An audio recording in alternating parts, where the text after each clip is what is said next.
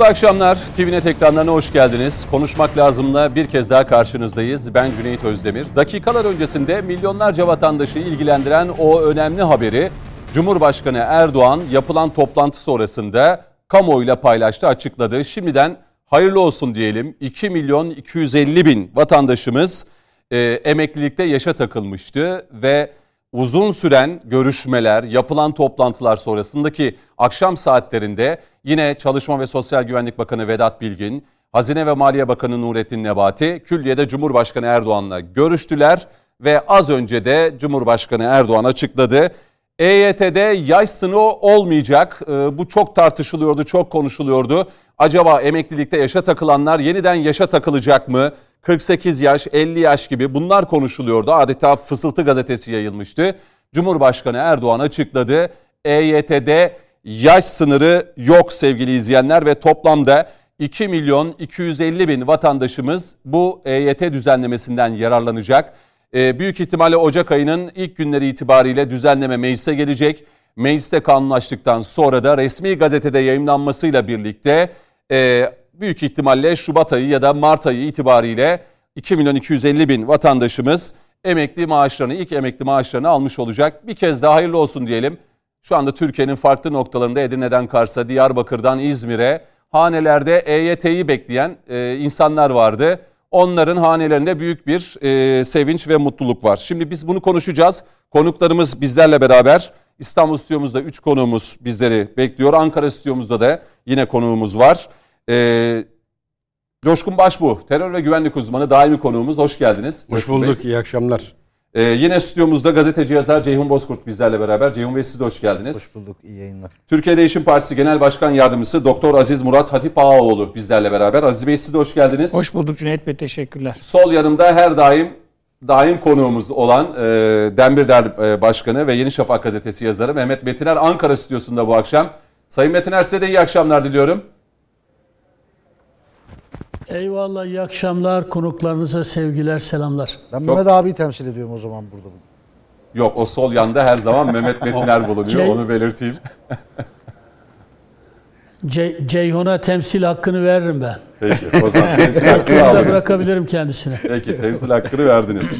Ee, şimdi aramızda e, ekonomi uzmanı da var. Türkiye Değişim Partisi'nden Sayın e, Doktor Aziz Murat Hatipoğlu. İzninizle ilk sözü ona vereyim. E, Sayın Hatip Ağoğlu ne diyorsunuz? Yani e, pek çok şey söylendi. Hatta böyle bir fısıltı yayıldı. Emeklilikte yaşa takılanlar yeniden yaşam takılacak derken Sayın Cumhurbaşkanı son kararı verdi.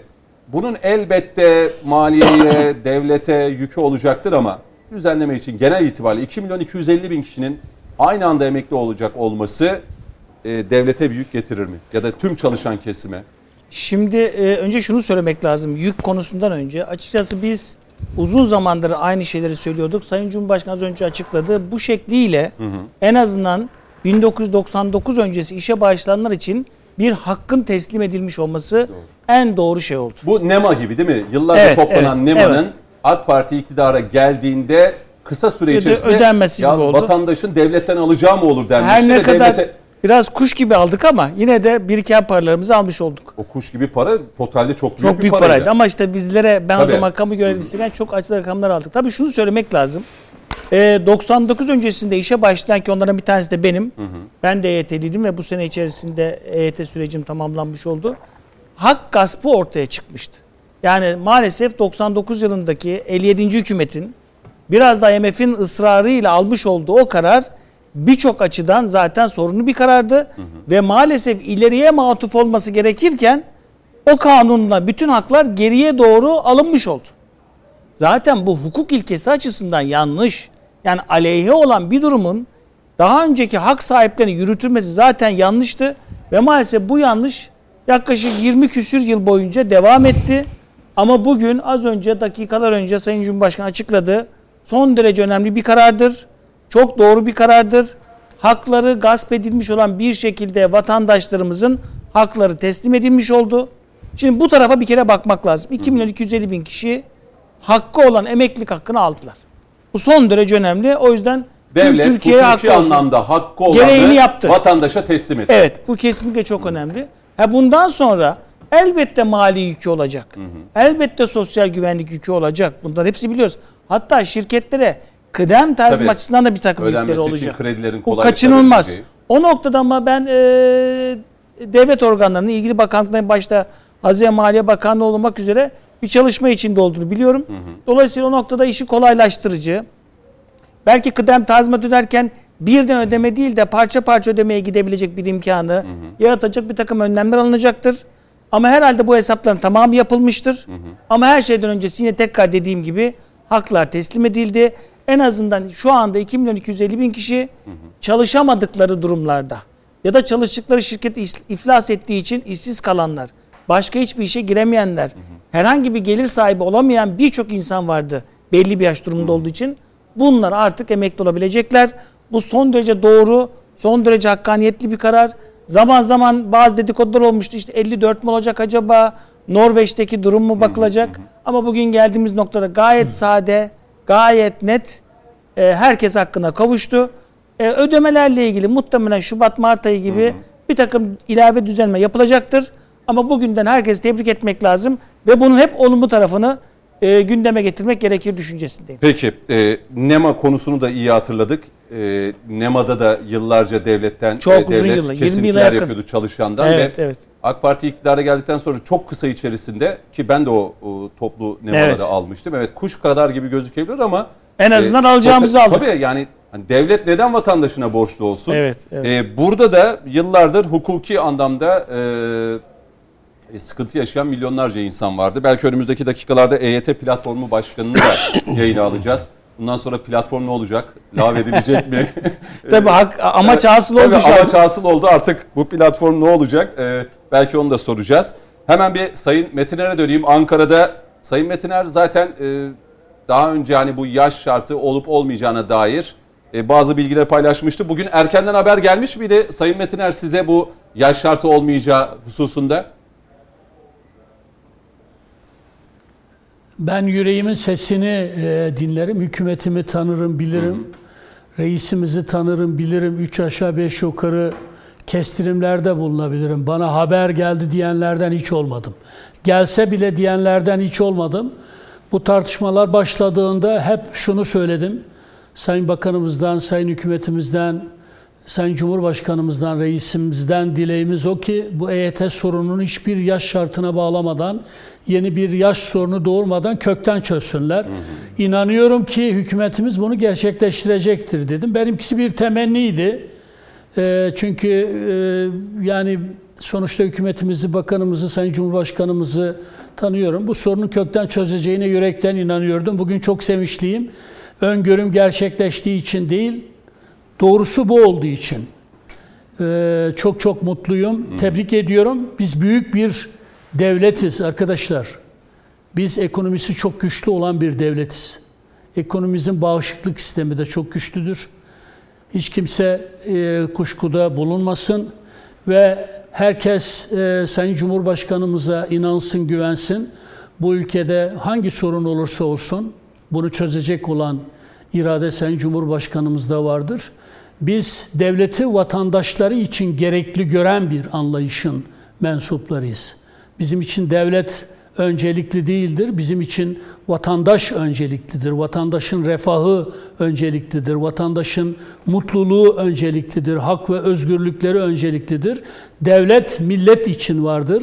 Biz de AK Parti olarak milletin hizmetkarı olan bir partiyiz. Dolayısıyla milletimizin sorunlarını çözme iradesini bugün Sayın Cumhurbaşkanımız bir kez daha gösterdi yılların birikmiş bir sorunuydu. Giderek gangrene dönüşmek üzere olan bir sorundu. Muhalefetin de gangrene dönüştürerek çözümsüzlüğü derinleştirmek istediği bir sorundu.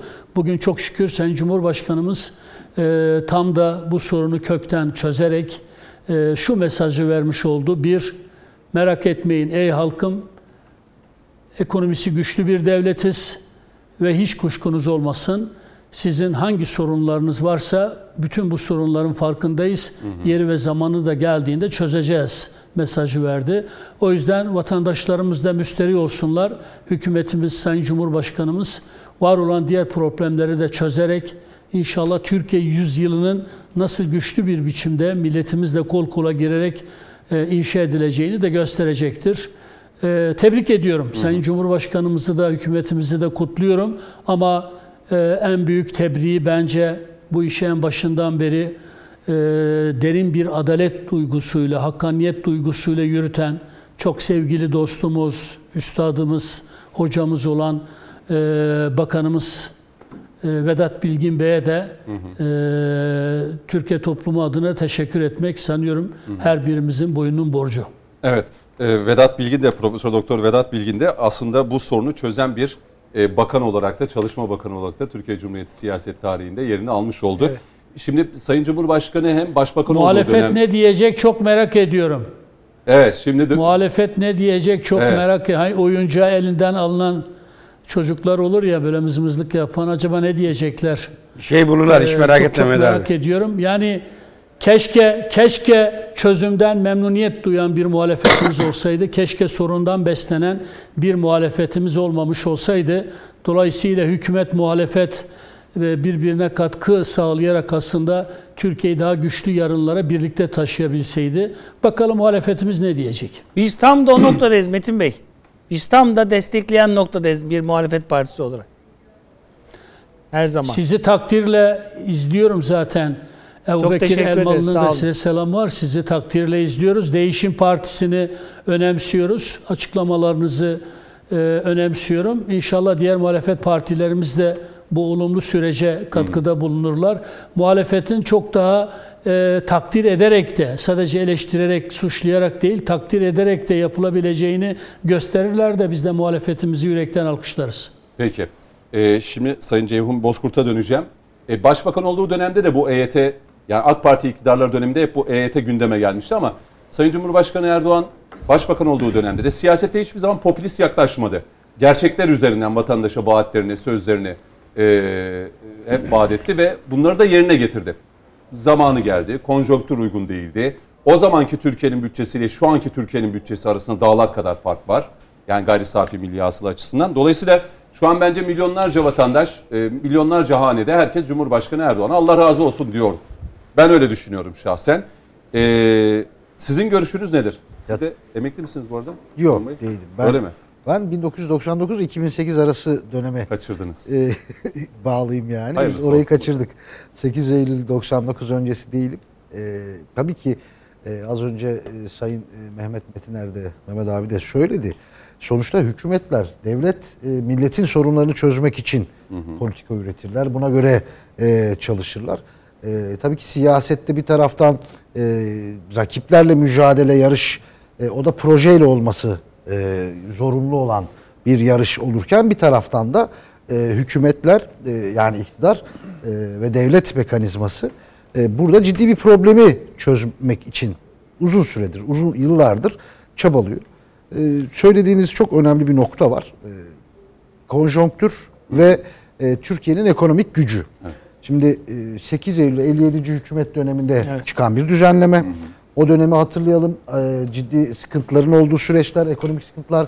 Üstüne bir 17 Ağustos depremi yaşamışız. Onun ciddi bir mali külfeti var çünkü bir yıkım yaşanmış. Sonra E, 2001 krizi. 2000 2001 krizleri arka arkaya sonra yani ciddi süreçlerden geçtik biz aslında. Bakıldığı zaman şimdi insanlar elbette ki haklı olarak vatandaşlarımız vatandaş bunu ister çok doğaldır.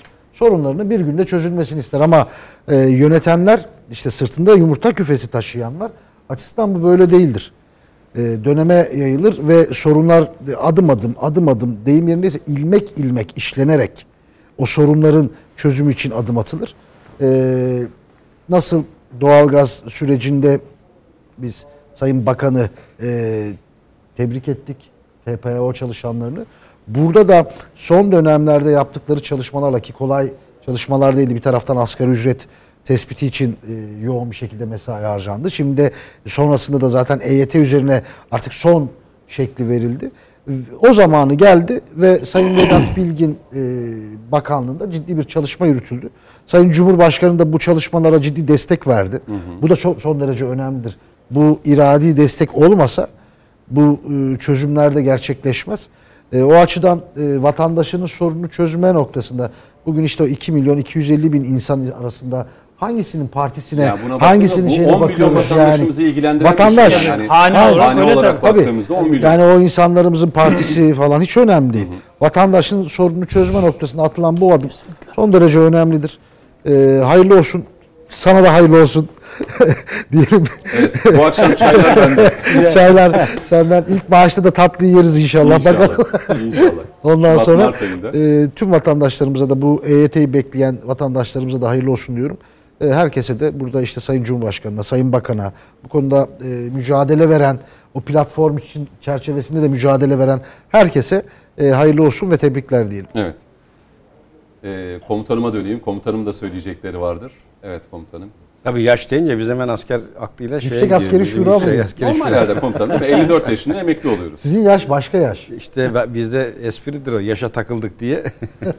Ama bizdeki yaş başka yaş. Fakat bu e, hadise gerçekten milyonları ilgilendiriyor. Ki Tabii ben- 10 milyon çarpı 4 diyelim hane başı. Ya şurada ailesinde ki benim kardeşim aynı şekilde bunun beklentisi içindeydi. Neredeyse tanıdığı olmayan yok. Ee, hakikaten de şu an bana göre bütün ülke bayram ediyor. Ee, ki senin bile Beni oturuşun, de arayanlar oldu. senin bile, senin bile oturuşun değişti. Daha gör, daha olduk, arayanlar soranlar oldu yani. Kötü bir duygu yani emekli bir e, spiker olarak, bir moderatör sonra- olarak. Şimdi tabii e, bu herkesin gözünün kulağının bağlı olduğu bir haberdi ve e, her yerde de karşılaştığımız bir soruydu. Vatandaş işte karşılaştığımızda harekat, savunma sanayi deyince üçüncü sivil hayatla ilgili soru bu geliyordu. Ve biz de hep şunu söyledik. Gerçekten hükümetimiz, devletimiz ciddi bir çalışma yapıyor. Ve bu çalışmada mağdur kalmayacaktır dedik. Allah'a şükür en hakikaten... kapsayıcı olacak demişti Sayın Bilgin de bakan. Zaten e, ben Sayın Erdoğan'ın e, politikasını çok iyi biliyorum. Öyle e, güdük bir işe asla imza Olacaksa atmaz. tam olsun. Keser atar Evet. kökten ve bana göre doğruyu yaptı. Niye? E, çünkü e, bu değerli hocam Aziz Bey'in de ifade ettiği gibi baştan zaten yanlış bir kuraldı.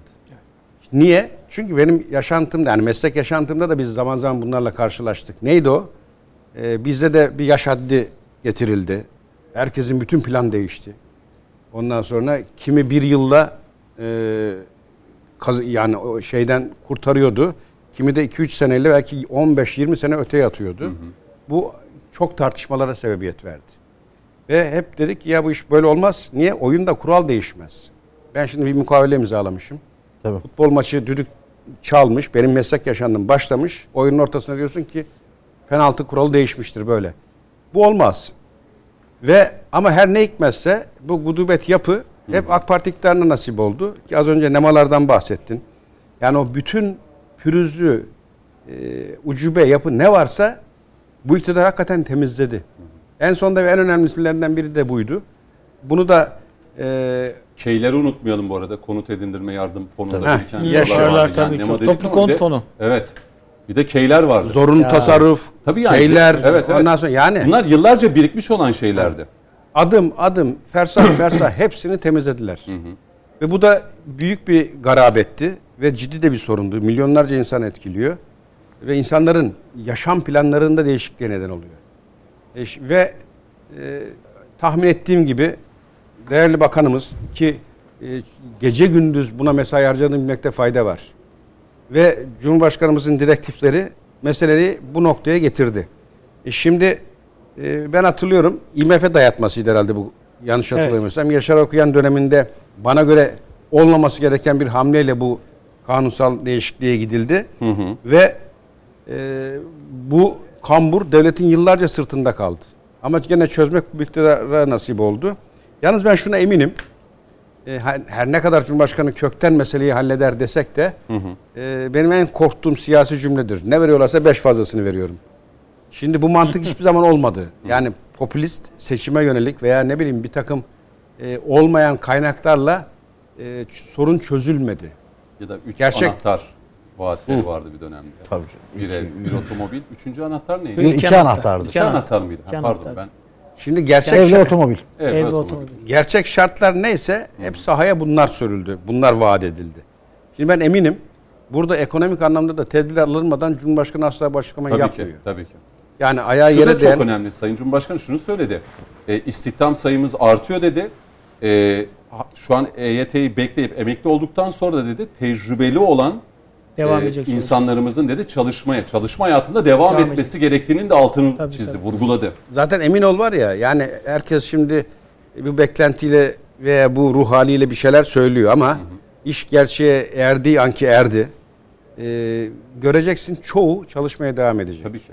Zaten e, biz hani ülke ve millet olarak da çalışkan kendi yağıyla kavrulan bir ülkeyiz. Ben hani bir anda böyle herkesin tası tarağı toplayıp da kanun çıktı artık kenara çekiliyorum elimde olta balık şey emeklilik günlerini yaşayacağım diyeceğine ihtimal vermiyorum. Ki bizim zaten zorunlu emeklilik ettiğin insanlar bile sisteme tekrar dönmenin yollarını aradılar yıllarca. Çok gördük öyle ikinci iş, ikinci meslek e, edinen ve çalışanları. Dolayısıyla ben burada bir iş gücü, iş kaybı olacağı kanaatinde değilim.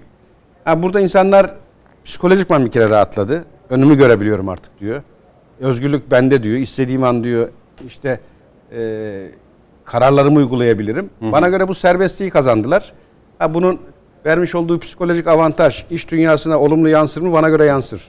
Bakın geçtiğimiz günlerde e, hani bu üç marketler tartışıldığı günlerde e, ciddi bir e, potansiyel olan bir görüştüğüm kişi, bir dostum şunu söyledi bana. Bu tür dedi mesela asgari ücrete zam. Yani ciddi miktar işverenin üzerine yük getiriyor. Diyor ki hocam diyor şu hataya düşmemek lazım diyor. Bu da aynı konuda değerlendirimle aynı kapsamda. Biz diyor hani asgari ücrete zam yapıldığında hemen anında etiketleri fiyatlara yansıtarak topuğumuza sıkıyoruz diyor. Aynı gemideyiz diyor. Ama diyor biz diyor o zammı görmezden gelirsek ve diyor mesela asgari ücrete yapılan zam bu zammı diyor 2-3 ay finanse etmeyi başarırsak zaten o para diyor sistemin içerisine döndüğü için bütün diyor işveren rahatlıyor zaten. Yani o e, bir diyor E tabii ki şey- sabit gelirler zaten piyasayı en çok O işte para dediğimiz getirme sabit onlarda. evet sabit e, gelirli maaşı olanlar. İnsanlar çarşı pazara koşacak alışveriş için. ha, para içine Dolayısıyla giriyor. gidecek. Şöyle Tabii. yapalım. e, yani bu konuda ekleyecek başka bir şey var mı? Sayın Metiner'e de döneyim. Sayın Metiner var mı ekleyeceğiniz? Hayırlı olsun. Ama şunu söyleyebilir miyim? Ben Yani izin Pardon. muhalefet muhalefet Ben baktım şunu muhalefete baktım acaba muhalefet tarafında Biz- atılmış tweetler Biz dedik, biz dedik, hükümet yaptı, biz diyoruz hükümet yapıyor. yani bu kısır döngüden çıkmak lazım. Önemli olan sorunun çözülmesidir. Bunun üzerinden artık hiç kimsenin siyaset yapmamasını salık veririm şahsen. buyurun. Çok Estağfurullah. Şimdi şunu söyleyeyim. Bu arada önce- muhalefet tarafına da bakıyorum ben bir yandan. Evet. Acaba değerlendirme var mı? Muhalefet tarafı e, şu an bir sessizlik içerisinde. İlk başta bu tür şeylerde bir sessizliğe bürünüyor. Mutlaka bir değerlendirme gelecektir. Ee, şunu Buyurun. söyleyeyim Sayın e, Coşkun Bey, Sayın Komutanım güzel söyledi. Bu istihdam konusu ve siz de eklediniz. Ben bugün de Kahramanmaraş'taydım. Türkiye'nin önemli bir sanayi merkezi özellikle tekstil alanında. İşverende böyle bir endişe var biraz. Yani acaba bir anda e, emekli olan olabilir mi diye ama tabii yaşlar genelde çok yüksek olmadığı için görünen o ki özellikle deneyimli çalışanlar. Şöyle Mavi bir şey var. ve beyaz Bazı yakada. şirketler şöyle e, bu EYT'ye denk gelecek olan tecrübeli, işi bilen Evet. personeline tamam emekli olacaksınız tazminatınız çalışmaya ama devam çalışmaya devam edip yeni bir sözleşme de sunuyor. Evet, evet. Çünkü Tabii, tabii. yani 47-48 yaşında verimli, tecrübeli, Tabii, belki tabii. başka bir yere geçecek. Bunun önüne geçmek isteyen firmalar da var. Evet. Onu da belirteyim. Şu anda dediğim gibi o, o bölge özellikle tekstil ve benzer sektörlerde birçok firma bunun endişe taşıyor. Ancak görünen o ki e, kimse bir anda ben e, emekli oluyorum, işte köye Hadi. gidiyorum, te- şehri terk ediyorum böyle bir şey olmuyor. Tekne balık, balık. falan. Öyle bir şey olmayacak kesin. Evet, Ee, doğru. yani o açıdan iyi. tabii bir arada emekli olan da olursa yaşı ileri böylece yeni genç istihdamının da önü açılır. Özellikle genç arkadaşların da iş bulacağı bir imkan da ortaya Ya çıkabilir. dinamik bir nüfusumuz var. Doğru. O açık da kapatılır. Evet, belli ve ölçüde, evet. Hakikaten insanlar e, bir şekilde o verimlilik sürecini işte örneğin işte en basiti yani mesleği bırakmayı düşünüyor musun mesela sen? Hayır tabii. Balık tutkusu verimli herhalde. zaman. Yani kendi adıma. bizim kendi mesleğimiz tabii ki bizim mesleğin şöyle bir özelliği var. Bizde Benim bitmiyor. yerimdeyse 70, ölene kadar 80, aynen. öyle ölene kadar süren bir meslek ama yani 70 yaşında da ekranda olur muyuz bilmiyorum yani Allah sağlık. Allah Olursunuz inşallah. sağlık. Az Bey sende var mı öyle bir niyet?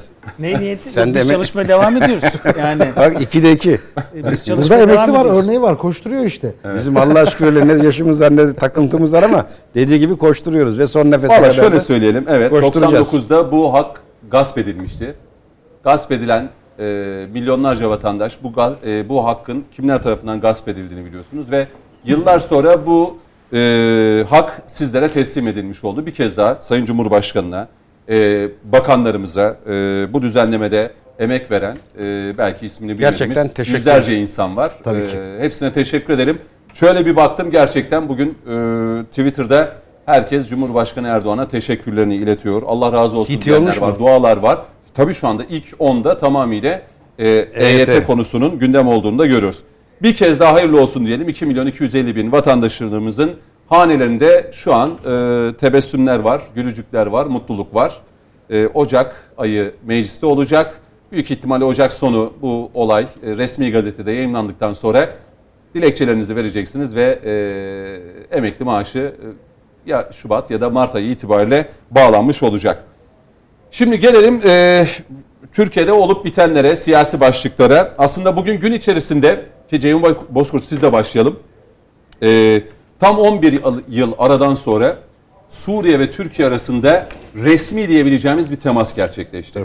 Moskova'da e, Rusya'nın ev sahipliğinde e, Sergey Shoigu, Hulusi Akar, Suriye Savunma Bakanı, yine bu üç ülkenin istihbarat başkanları e, önemli bir görüşme gerçekleştirdiler. Milli Savunma Bakanlığı da bu görüşmeyi sosyal medya hesabında paylaştı.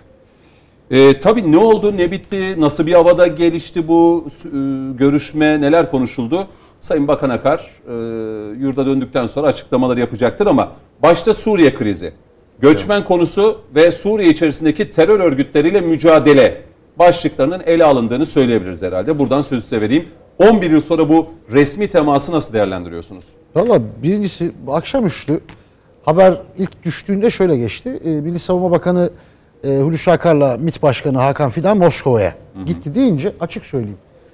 Bir görüşme olabileceği noktasında bir, bir şey oluştu bende. Neden?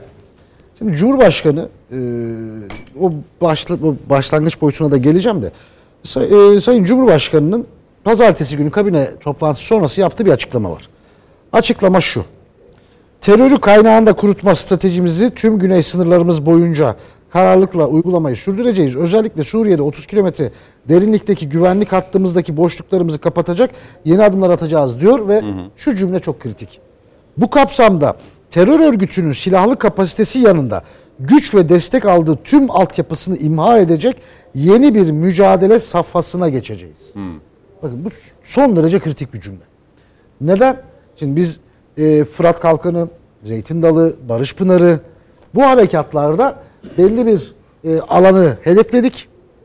Daha dar alanlardı. Yine çok e, aslında kritik stratejik noktaları terör örgütünden e, temizledik. Ama e, oralarda ağırlıklı daha dar bir strateji belirlenmişti. Çünkü o dönemin konjonktürü de onu gerektiriyor. Ee, Suriye'deki durum onu gerektiriyordu. Diplomasi, uluslararası ilişkiler boyutu, güç dengesi onu gerektiriyordu. Ama gelinen aşamada Türkiye ve Rusya Suriye'de Su, e, Suriye yönetimini de alarak, Şam yönetimini de yanına alarak artık Amerika Birleşik Devletleri'nin adını net bir şekilde koyalım ki TVNet, Yeni Şafak e, en başına itibaren bu işin bir emperyalist e, müdahale olduğunu hep söylüyor. Ondan sonra Şam yönetiminde yanal alarak emperyalizmin oradaki tüm artıklarını, terör örgütlerini, unsurlarını temizleme stratejisine geçeceğimizi aslında Ağustos'tan beri konuşuyoruz biz. Ve Sayın Cumhurbaşkanı'nın bu son Bizim açıklaması kara harekatını Çok daha yapacağımızdan sonra bu daha da sıklaştı değil mi? daha da sıklaştı. Çünkü orada eğer Suriye'de bir siyasi çözüm, Suriye'deki sorunun artık bitmesini istiyorsak, terör örgütlerinin temizlenmesini istiyorsak artık e, Türkiye ile Suriye'nin, Ankara ile Şam'ın diyaloğu artık zorunlu gözüküyor. Ve buna Şam'ın içinde belli unsurların muhalefetine rağmen Şam'da da aklı başında bir kesim evet diyor. Bu bunun altyapısı oluşturulmuştu ki Sayın Mevlüt Çavuşoğlu da ne dedi? Biz dedi Belgrad'daki bir toplantıda dedi Suriye Dışişleri Bakanı'yla ayaküstü sohbet ettik dedi. Aslında Türkiye 3-4 senedir Türkiye 15 Temmuz'da o tehdidi ana tehdidi gördükten sonra zaten az çok analizini yapıyordu. Ana tehdidi gördükten sonra bir paradigma değişimine giderek bir aslında bu süreci daha çok e, hazırladı. Ama işte zaman alıyor. Kolay olmuyor. Ciddi bir tahribat var. Suriye yönetiminin hataları var. Ondan sonra e, ciddi bir şekilde terörizmle mücadele yaparken muhal, e, bir haklı talepleri olan muhalefeti de hedef almış izlediği bir terörle mücadele stratejisi var falan. Şimdi bu, ciddi kan da döküldü orada. Bir iç savaş yaşandı. İç savaşlar kolay değildir. Yani bir terörle mücadele. Biz Hendek barikat sürecinde terörle mücadele Neler verdik. yaşadık? Ne kadar sıkıntılıydı. Bir de iç savaş boyutunu düşünün yani. Şimdi o açıdan gelinen noktada Cumhurbaşkanı'nın bu cümlesi yani terör örgütünün silahlı kapasitesi yanında güç ve destek aldı tüm altyapısını. Tüm altyapısı ne? Silah desteğini kimden alıyor? Amerika Birleşik Devletleri. Orada ekonomik desteği kimden alıyor? Orada Suriye halkının Arabıyla, Türküyle, Kürdüyle Suriye halkının zenginliği olan o yeraltı kaynaklarını terör örgütü şu an işgal etmiş durumda. Onları şey yapıyor. Bütün finansmanı oralardan sağlıyor. Falan. Altyapısı bu. İşte onu temizleyecek e, operasyonu kimle yaparsınız biliyor musunuz? Suriye ile yaparsınız. Ve orada Suriye'nin en yakın müttefiki Rusya ile Komutanıma yaparsınız. özellikle o soruyu yönelteceğim. Tabii. Birazdan yönelteceğim Çünkü o soruyu. neden? Alan geniş. Ta Rakka Deirizor hattına bakın. Aslında Yani böyle bir denklem olabilir mi? Belki çok özür diliyorum. Estağfurullah. Coşkun, e, Başbuğ'a döneyim komutanım. Bir cümleyle at, Tabii, pası tabii, atayım tabii, hatta tabii. Coşkun abi e, komutanıma. E, bir aslında Cumhurbaşkanı 2019 Eylül sonu Birleşmiş Milletler Genel Kurulu'nda yaptığı konuşmada bunun işaretlerini verdi. Ne dedi?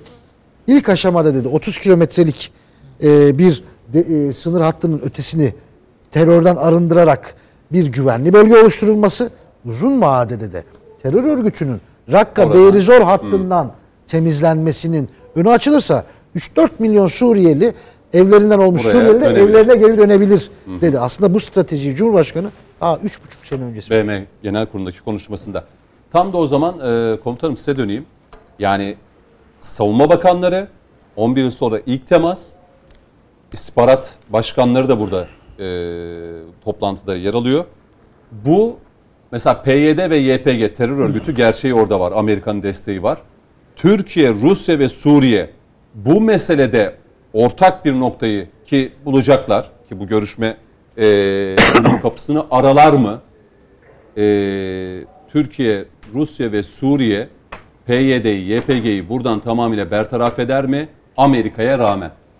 Şimdi bu sorunun cevabını vermek için bir kere sahadaki aktörleri yani bu olayda adı geçen bütün yapıları tek tek ele almak lazım. Mesela şöyle diyeyim. Neden savunma bakanları önce bir araya geldi? Mesela Dışişleri Bakanı da Dışişleri Bakanı, bakanları da belki bir araya gelebilirdi. Öncelik niye savunma bakanı ve istihbarat başkanları üzerinden yapıldı? Cüneyt zaten şöyle yani bu konuda biz gerçekten inanılmaz hızlı ilerledik. Bakın geçtiğimiz günlerde e, Sayın Putin'le Sayın Erdoğan arasında yapılan bir görüşmede Putin'in bize şöyle bir tavsiyesi oldu. Harekatla ilgili endişelerinizi anlıyoruz. Yapacaksınız, biliyoruz ve hak da veriyoruz. Ama bunu rejimle yapmakta fayda var dedi. Bir yerde bir e, rica, bir tavsiyeydi. Hemen karşılık gördü bizden. Sayın Erdoğan'a dedi ki biz de elbette bu meseleye sıcak bakıyoruz. Ve elbette biz Suriye'yle de görüşürüz.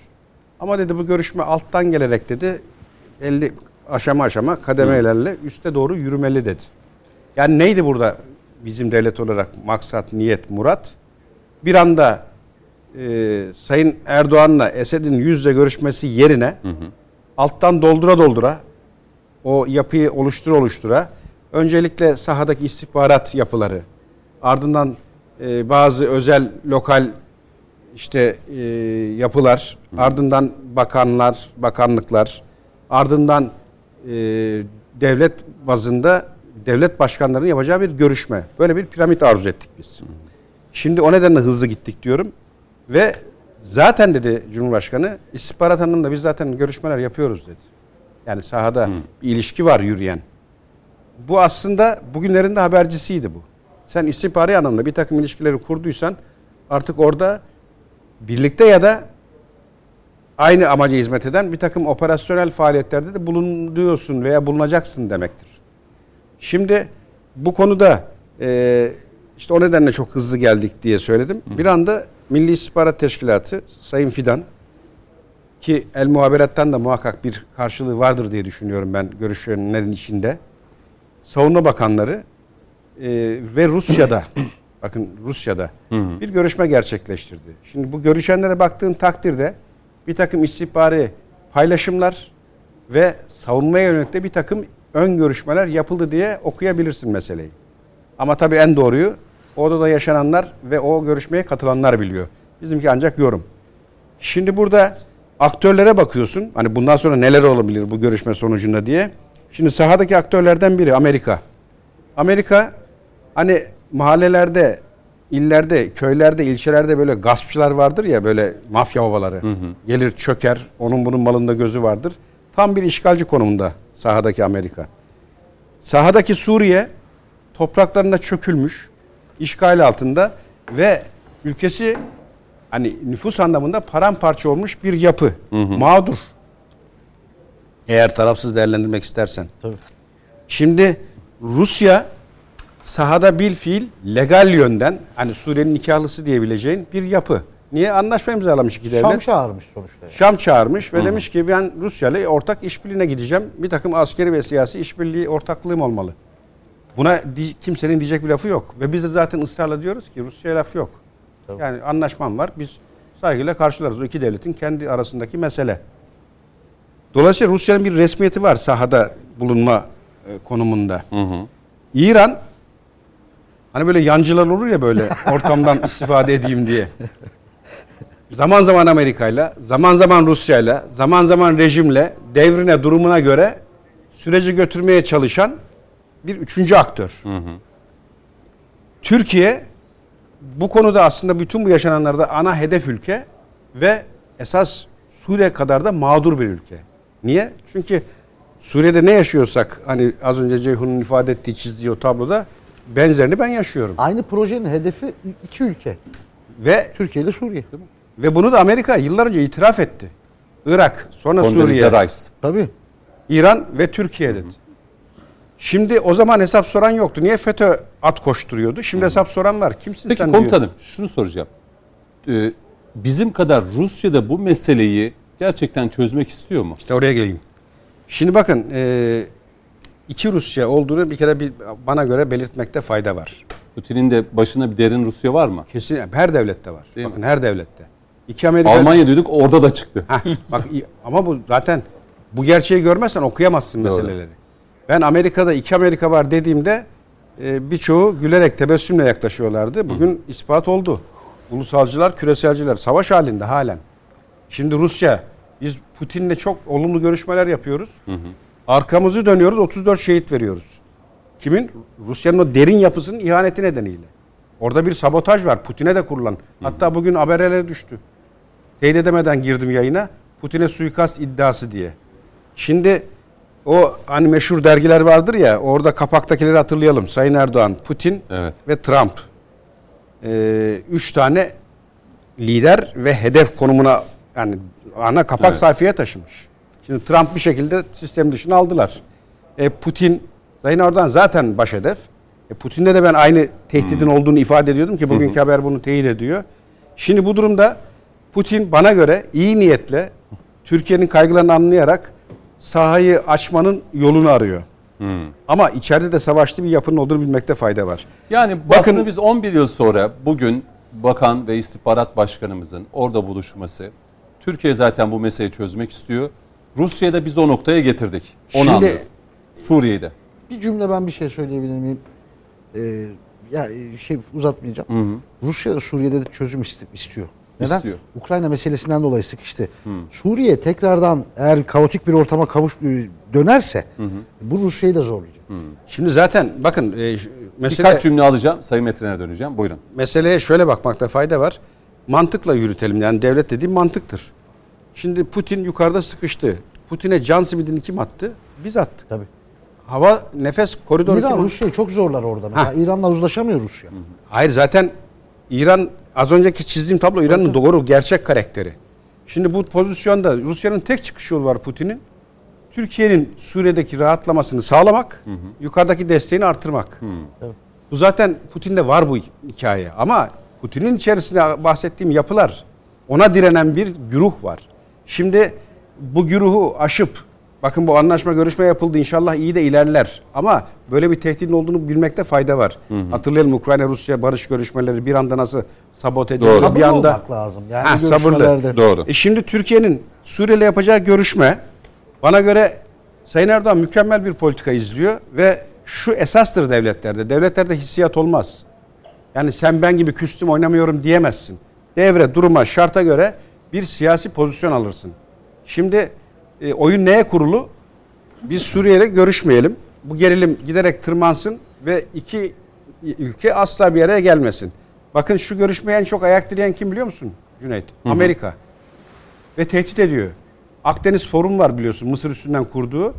Eğer diyor Türkiye ile görüşürsen senin diyor bu forumdan diyor dışlatırım ve Akdeniz'deki diyor o yeraltı kaynaklarından da, da olursun. Aynı zamanda ambargo da uygularım sana diyor. İçimizde de bir El var da onu birazdan anlatacağım Evet. ben diğer Evet, turda. peki. şey. Peki İran ne diyor?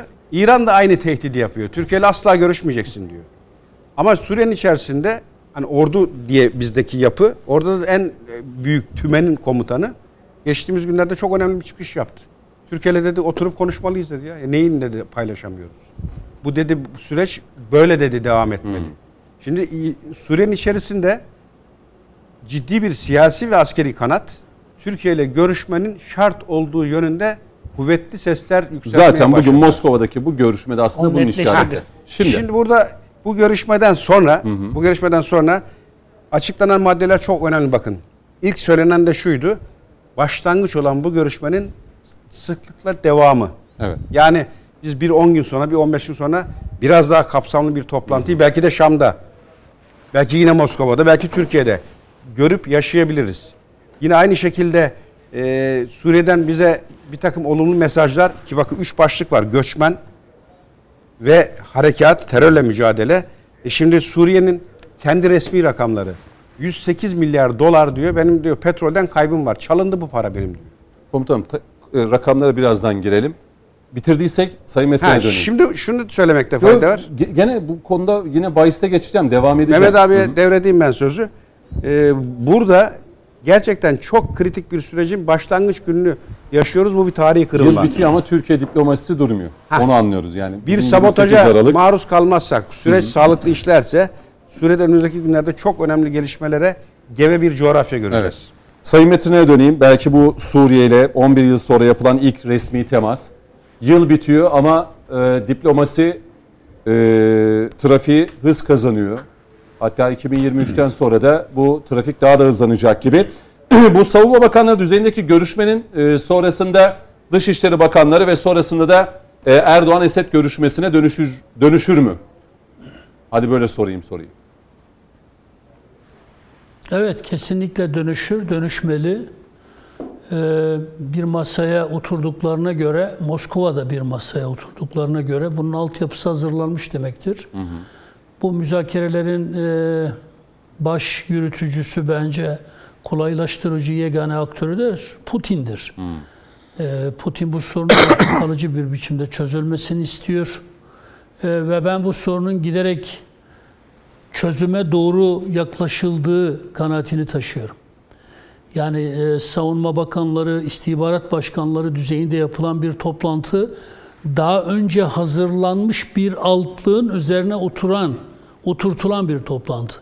Yani sahadaki güvenlik sorunsalının nasıl çözülebileceğini, bilgi alışverişi yapılarak belki de ortak bir mücadele konseptinin yeniden belirlenmesi konusunda bir müzakere masası olduğu kanaatindeydim. Bunun tabii ki siyasi ayağı olacaktır. Yani bu bir anlamda e, yeni bir güvenlik, yeni bir e, mücadele konseptinin e, belirlenmesi ise eğer bunun üzerine bir siyasi iradenin oturtulması gerekiyor.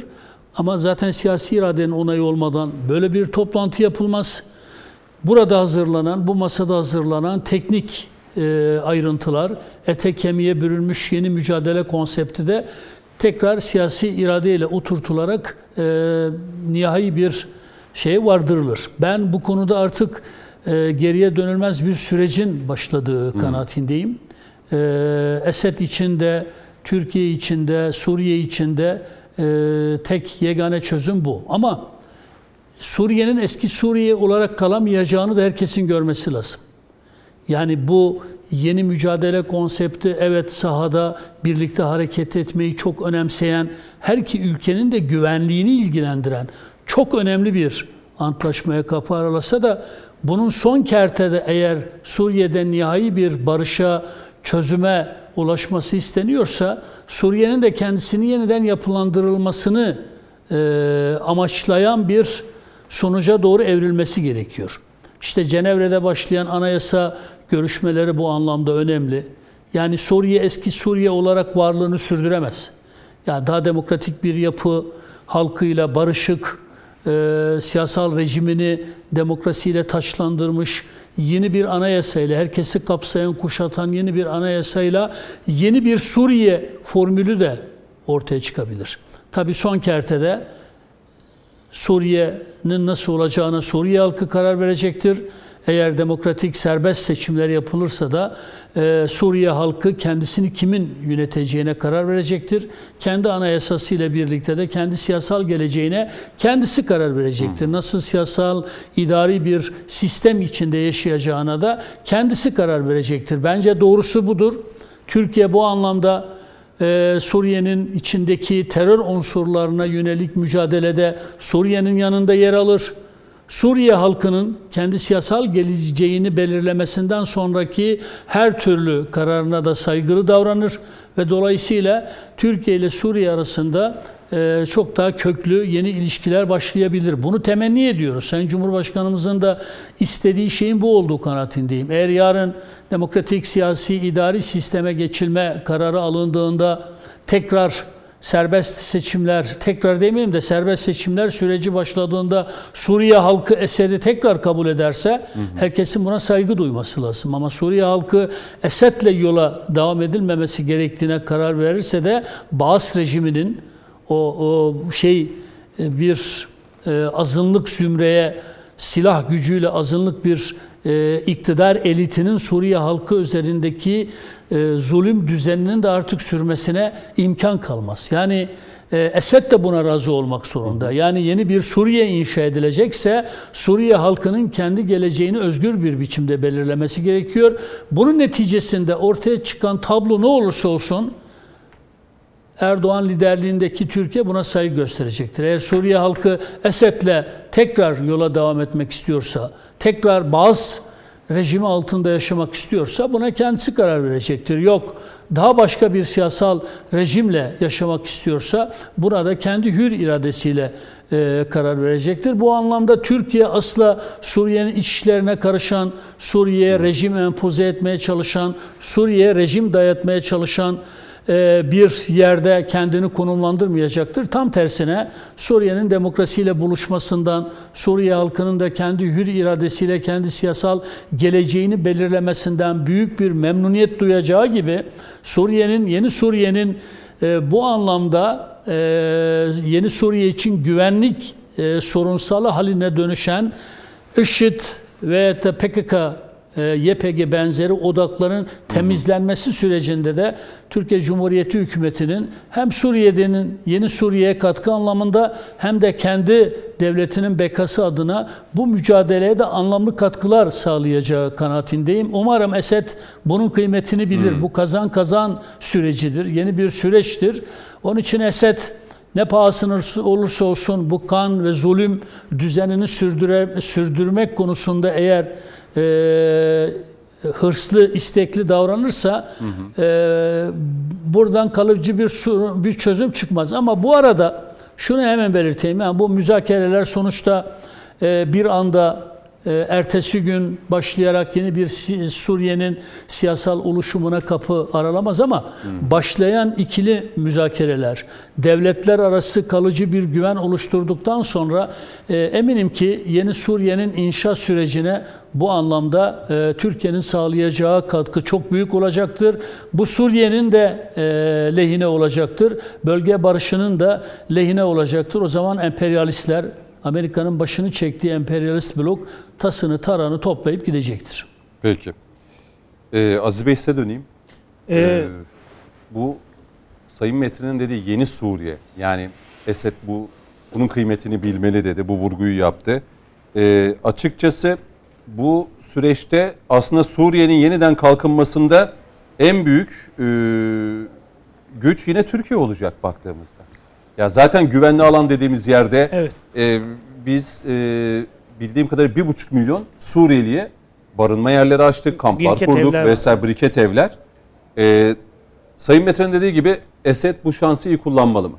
Ee, burada tabii Sayın Mete'nin son bölümde söylediği şey gerçekten çok önemli. Çünkü Türkiye'nin uzun bir süredir yaşadığı belli başlı sorunlar var. Bunların bir tanesi sığınmacılar sorunu. Yani Türkiye'de onlar bizim tabii ki misafirimiz. İç savaştan kaçarak canlarını kurtarmak için Türkiye'ye gelen e, Suriye vatandaşları. Ancak tabii misafirliğin de belli dönemde tamamlanmasını biz Türkiye olarak bekliyoruz. Çünkü üzerimizde ciddi bir yük var. Yani sığınmacılara sağlamaya çalıştığımız yük mali açıdan da önemli şekilde yük oluşturuyor. Ancak tabii sığınmacıların yeniden güvenli bir şekilde Suriye'ye geri dönebilmeleri Esad rejiminin yeniden yapılanmasıyla ve sığınmacılara karşı alacağı bazı güvencelerle mümkün. Elbette Türkiye'de sığınmacıları tekrar evlerine geri dönerken bu güvenceler olmadan dönmeleri konusunda gönlü rahat olmayacaktır. Dolayısıyla Esad rejiminin eğer bu birkaç hafta belki aydır veya son birkaç 10 yıl 10 hafta aydır devam eden bu görüşme sürecinin bugün Moskova'da üçlü bir toplantıya dönüşmesi ve e, siyasi noktada görüşmeye devam etmesi aslında belki de Esad rejiminin de bu yola doğru yani belki kendi halkı için daha refah içinde demokratik bir toplumu kurma yönünde bir talebini de isteği olduğunu da gösterebilir. Biliyorsunuz Putin e, ilk başlarda bize ya siz gidin Esad'la görüşün yönünde bazı telkinlerde bulunuyordu. Ancak bugün geldiğimiz noktada artık bunun tamamen değiştiğini ve Moskova'nın da önemli bir aktör olarak zaten başından beri öyle bu görüşme sürecinde yer aldığını net bir şekilde görmüş olduk. Ee, 11 yıl tabii çok uzun bir süre. Özellikle Suriye gibi Türkiye'nin güney sınırında ve en uzun Bin sınır olan bir ülkeyle beraber ve tarihten gelen birçok ilişki, ticari ilişkilerimiz biliyorsunuz Türkiye ilk defa bir yabancı devletle ortak kabine toplantısı yapmış bir ülke. Doğru. Ve bu Suriye'ydi. Dolayısıyla bütün bunlar ve biz Suriye'de Suriye'nin ekonomik kalkınmasında Türkiye olarak çok ciddi e, planlar ve programlar vardı ancak iç savaş o Arap Baharı denen ve bir anlamda herkesi biraz romantik bir havaya sokan ama arkasında biraz emperyalist bazı e, beklentilerin olduğu o değişim süreci Suriye'de uzun süren bir savaşa ulaştı. Ve bu durum hala hazırda bizde büyük büyük. Tabi sadece sığınmacılar konusu değil. Bir de Türkiye'nin güneyinde ciddi bir YPG, DAEŞ e, kaynaklı bir güvenlik sorunumuz da var. Ve bu sorun yoğun bir şekilde devam ediyor. Elbette Türkiye sınırlarını koruyacak önlem almak Önce zorunda. terör sorununu mu yani buradaki terör yapılarıyla mı e, mücadele edilip yani birinci başlık bu mu olur yoksa mülteci ve göçmen? Valla görünen o ki birinci başlık önce güvenlik sorunu olacaktır. Güvenlik? Çünkü. Milli Savunma Bakanı ve Sayın MİT Başkanı'nın bu görüşmesi yap- bunu gösteriyor. Bunu gösteriyor. Ama bunun hemen akabinde sığınmacılar konusunun gündeme geleceği belli. Umarız Cenevre sürecinde Yani anayasa. ikisi birbirine bağlı zaten. Tabii. Doğru. Suriye Anayasası ya da Güvenli Suriye'nin alanlar oluşturulduktan sonra zaten göçmenler, göçmenler gidecektir. Ama tabii burada. Yani Sayın Metin'in e, değindiği çok önemli bir nokta var. Suriye'nin tüm Suriye vatandaşları için güvenli bir ortama, demokratik bir yapıya dönüşmesi Cenevre sürecinde ortaya çıkabilir ve Türkiye buraya en yüksek katkıyı sağlarsa bu hepimiz için iyi olacak. Çünkü siz güzel bir şey söylediniz. Suriye'nin bu iç savaş sonrasında bütün bu yıkıntının ortadan kalkabileceği noktada en yakın güvenebileceği ülke de Türkiye Yine Cumhuriyeti. Türkiye olacak. Yani Türkiye Cumhuriyeti'nin sağlayacağı tüm kaynaklar, orada Tabii. yapılacak yatırımlar İmar, altyapı, çok çok önemli olacak. şeyde- Hatırlarsanız çok özür dilerim. Hatırlarsanız son Şam Büyükelçimiz Sayın Önho'nun bir kitabı çıkmıştı. Onun da tamamen değindiği noktalar bu, bu- bunun üzerineydi. Yani biz sığınmacı sorunu çözecek, e, güvenlik sorunu tamamen ortaya kalacak bir yapıyı Suriye ile beraber inşa edebilirsek ve Suriye'deki siyasi irade gerçekten bu dönüşüm sürecinde bütün varlığını ortaya koyabilirse Türkiye ile Suriye'nin birlikteliğinden en azından ticari, ekonomik ve siyasi yakınlaşmasından hem bölge için çok ciddi bir e, güvenlik sorunu ortadan kaldıracaktır. Hem de önemli bir ticari partner olmanın getirdiği büyük bir ilişki ortaya çıkacak. Bakın 2011'den hemen öncesinde Suriye Türkiye'nin en çok ihracat yaptığı ya da oradan mal aldığı ülkelerin başında da geliyordu. Tabii. Dolayısıyla bunu yeniden kurgulamak lazım ama tabii ki 2011 öncesine tamamen dönmek mümkün değil. 2022 ve 2023 dünyası tamamen farklı bir dünya. Tabi orada İran olayına kadar karıştıracak. Ben İran'ın şu anda bizim bu görüşmemizden çok memnun olduğu kanaatinde değilim. İran e, biraz da oradaki yapının karışmasını devam deyimle maraza çıkaracak mıdır? Ya çünkü biliyorsunuz Azerbaycan başladı zaten. Dağlık Karabağ konusunda çıkarttı zaten Evet, biliyorsunuz. evet. Ermenistan Başladı. destekleyerek. O, o sıkıntı biraz daha devam edecek ama Moskova'nın net tavrı ve Türkiye'nin şey bunu yapacaktır. tabii bunu mutlaka çözecektir. Biz 11 sene sonra Türkiye Değişim Partisi yok, 11 sene sonra bu görüşmelerin başlamasından ve belli bir noktaya gelmesinden son derece mutluyuz. Çünkü diplomaside ne tamamen düşmanlık ne de tamamen dostluk olur. Çıkarlar var. Çıkarlar olur ve çıkarlar dostane bir şekilde Şimdi öteki noktasına gelir. harekatlarda biz şunu Ee, yaptık. Cüneyt Bey, Buyurun, buyurun Sayın Cüneyt Metin. Bey. Buyurun. Azerbaycan, Azerbaycanlı kardeşlerimiz bir konuda çok hassastırlar. Sen Genel Başkan Yardımcımız da e, iyi niyetle kullandı onu ama Dağlık Karabağ tabirinin kullanılmamasında yarar Evet, var. Karabağ. Karabağ Karabağ. olarak Doğru. Karabağ. ve Karabağ'da Azerbaycan, Azerbaycan'ın parçasıdır. Doğru. Dağlık Karabağ tabiri doğru değil. Peki. Şimdi şu gerçeği görmekte fayda var. Bak Barış Pınarı, Fırat Kalkanı, Zeytin Dalı. Üçünde de aynı alçakça iftira atıldı Türkiye'ye. Türkiye Suriye'yi işgal etmek üzere giriyor diye. Biz şimdi bu iftira atanların yüzüne şamarı, tokadı harekat başladığı an attık. Nasıl biliyor musun? Ben ikiye ayırmıştım harekatları. Askeri harekat, sivil harekat. Şimdi harekatta güvenli belgeyi tesis ettiğimiz an hemen sınırdaki valiliklerimiz, kaymakamlıklarımız, devletin de vermiş olduğu ödeneklerle orada anında imar çalışmalarına başladılar. Yollar yapıldı, yıkılan onarıldı, polis teşkilatı, güvenlik güç teşkilatı kuruldu, camiler, okullar faaliyete geçirildi, sosyal doku oluşması için insanlara iş imkanı açıldı ve hemen yerine Suriyelileri, toplamda işte bir buçuk milyon Suriyeliyi bölgeye intikalini sağladık. İşgalci Türkiye tezi bu iftira atan o alçakların suratında burada patladı. Şimdi az önce sorduğun soru önemli. Başlıklardan biri de bu göç konusu. Şimdi zaten e, bu ikisi birbirine öylesine entegre ki ben eminim İnşallah bir askeri harekat olur ise hani bu çok dostane bir ortamda mesela Suriye'nin bir fiil işin içinde olduğu bu süreçte yine Türkiye eski bildik yöntemle hatta bana göre ekonomik anlamda da destekleyerek süreci Suriye ile birlikte orada güvenli hayatın normale döndüğü bölgeler oluşturulacak ve ilk etapta bizdeki o misafir ettiğimiz kardeşlerimiz topraklarına geri dönecektir. Güvende hissettiği an, Türkiye'nin garantörlüğünü hissettiği an ki bu görüşmelerde biz bunu temel şart olarak masaya yatırıyoruzdur. Yani ben buna eminim ve Suriye'de eğer iyi niyetli olursa yani süreçte e, farklı ilişkilere girmeden samimiyetle süreci götürürse yapılacak tek iş bu. Güvenli bölgeyi oluşturmak, acilen o bölgeye tekrar o toprakların sahiplerini geri getirmek. Çünkü Suriye devleti de bunu herhalde kabul eder. Umarız. Orada demografik yapıya yönelik inanılmaz saldırılar gerçekleştiriyor. Şöyle bir şey var.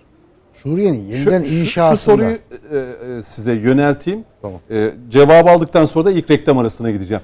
Yani şimdi tamam resmi temas 11 yıl sonra bakanlar, belki Dışişleri Bakanları, sonra devlet başkanları belki bir araya gelecekler. E, süreç hızlı ilerleyecek öyle gözüküyor. Kara harekat hala seçenek olarak duracak. tabii ki tabii ki. Yani sonuçta deyim yerindeyse o projenin Şu söylendi sahipleri- mesela Rusya bizim kara harekatımızı yapmamızı çok da istemiyor da sıcak bakmıyor. ortak e, harekata e, sıcak bakıyorlar.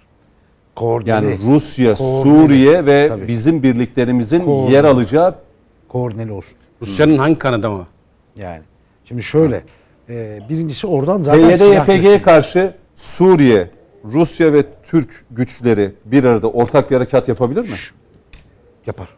Yapar. Koordineli yapılır. Eğer biz tür bir NATO üyesi ülkenin ordusu olarak biz Rusya'yla ortak devriye yaptık. Tamam Suriye'de dedi, Harekat dedi ki ben. YPG, PYD ve buna ismi farklı olan terör örgütlerini artık topraklarında istemiyorum. Rusya'da tamam ben de destek veriyorum. Türkiye'de evet bu harekatı beraber yapalım der mi? Üç ülke. der. Şöyle uzlaşıya yani zaten uzlaşının çerçevesiyle de bağlantılı. Türkiye hep şunu vurguluyor zaten. Ee, komutanım da söyledi. Türkiye şunu vurguluyor. Suriye'de çözüm olduktan sonra oradan bana tehdit ortadan kalktıktan sonra zaten ben burada durmayacağım. Şimdi birincisi ama bu tehditin ortadan kalkması Suriye'nin kendi bütünlüğünü toprak bütünlüğünü kendisinin koruma gücünün ve iradesinin olması. Bunların çeşitli şartları var. Şimdi e, ama harekat zorunlu mu zorunlu? Neden? Terör örgütü veya terör örgütünü binlerce tır silah verenler ha tamam siz uzlaştınız mı? Tamam çözüm bulacaksanız biz çekiliyoruz der mi demez. Onlar silah gösteriyor. E bu silahlı tehdidi silahla e, bertaraf edersiniz. Bu nedenle ortak bir iradenin bulunması ha şu var e, Mehmet abi de söyledi. E, ortak bir e, şey var Özgür zaten Suriye ordusu ne olacak bu Yani süreçte? Paris'te yaptıkları o değil miydi? Tabii. Özgür tabii. Suriye ordusu ne olacak? bu Zaten o süreçte? süreçte e, o Milli Suriye Ordusu biliyorsun Evet, isim değişti. evet. Milli Suriye Ordusu da zaten bu süreçlerde siyasi e, kanat olarak mutlaka görüşmelerde var zaten. Ve orada o yeniden Suriye'nin inşası sürecinde tabii ki e, muhalif kesim de e, askeri olarak, siyasi olarak mutlaka yer alacaktır. Şimdi Suriye'de sorunlar bittiği zaman siyasi ve e, ne diyelim diğer anlamlarda inşa süreci başladığında tabii ki onlar da Mevcut Suriye'nin yapıya entegre edilir mi? Mevcut yapısına entegre olacaktır. Sonuçta bu insanlar. Türkiye zaten bu konuda o insanlara o garantiyi veriyor. Yani o insan çünkü şöyle bir durum var. Şam'ın bunu anlaması lazım. Yani Şam Eğer militer yapısını orayı- koruyabilecek mi o toprak bütünlüğünü? Tabii esas mesele o zaten. Şimdi eğer orayı Şam bunu anlamalı. Eğer orayı hala 2016, 2017 mantığıyla, öncesi mantığıyla bu terör yapılanmasıdır diye bakarsa Suriye'de zaten çözüm olmaz. Sürekli kaotik bir durum olur ve bu Şam'ı da yorar, Türkiye'yi de yorar, Rusya'yı da yorar. Yani e, bu buradan PKK kazanır, onun arkasındaki Amerikan emperyalizmi kazanır. O açıdan Şam'ın da görmesi gerekenler var ki Şam'la bazı Şam'dan kaynaklarla da görüşüyorum.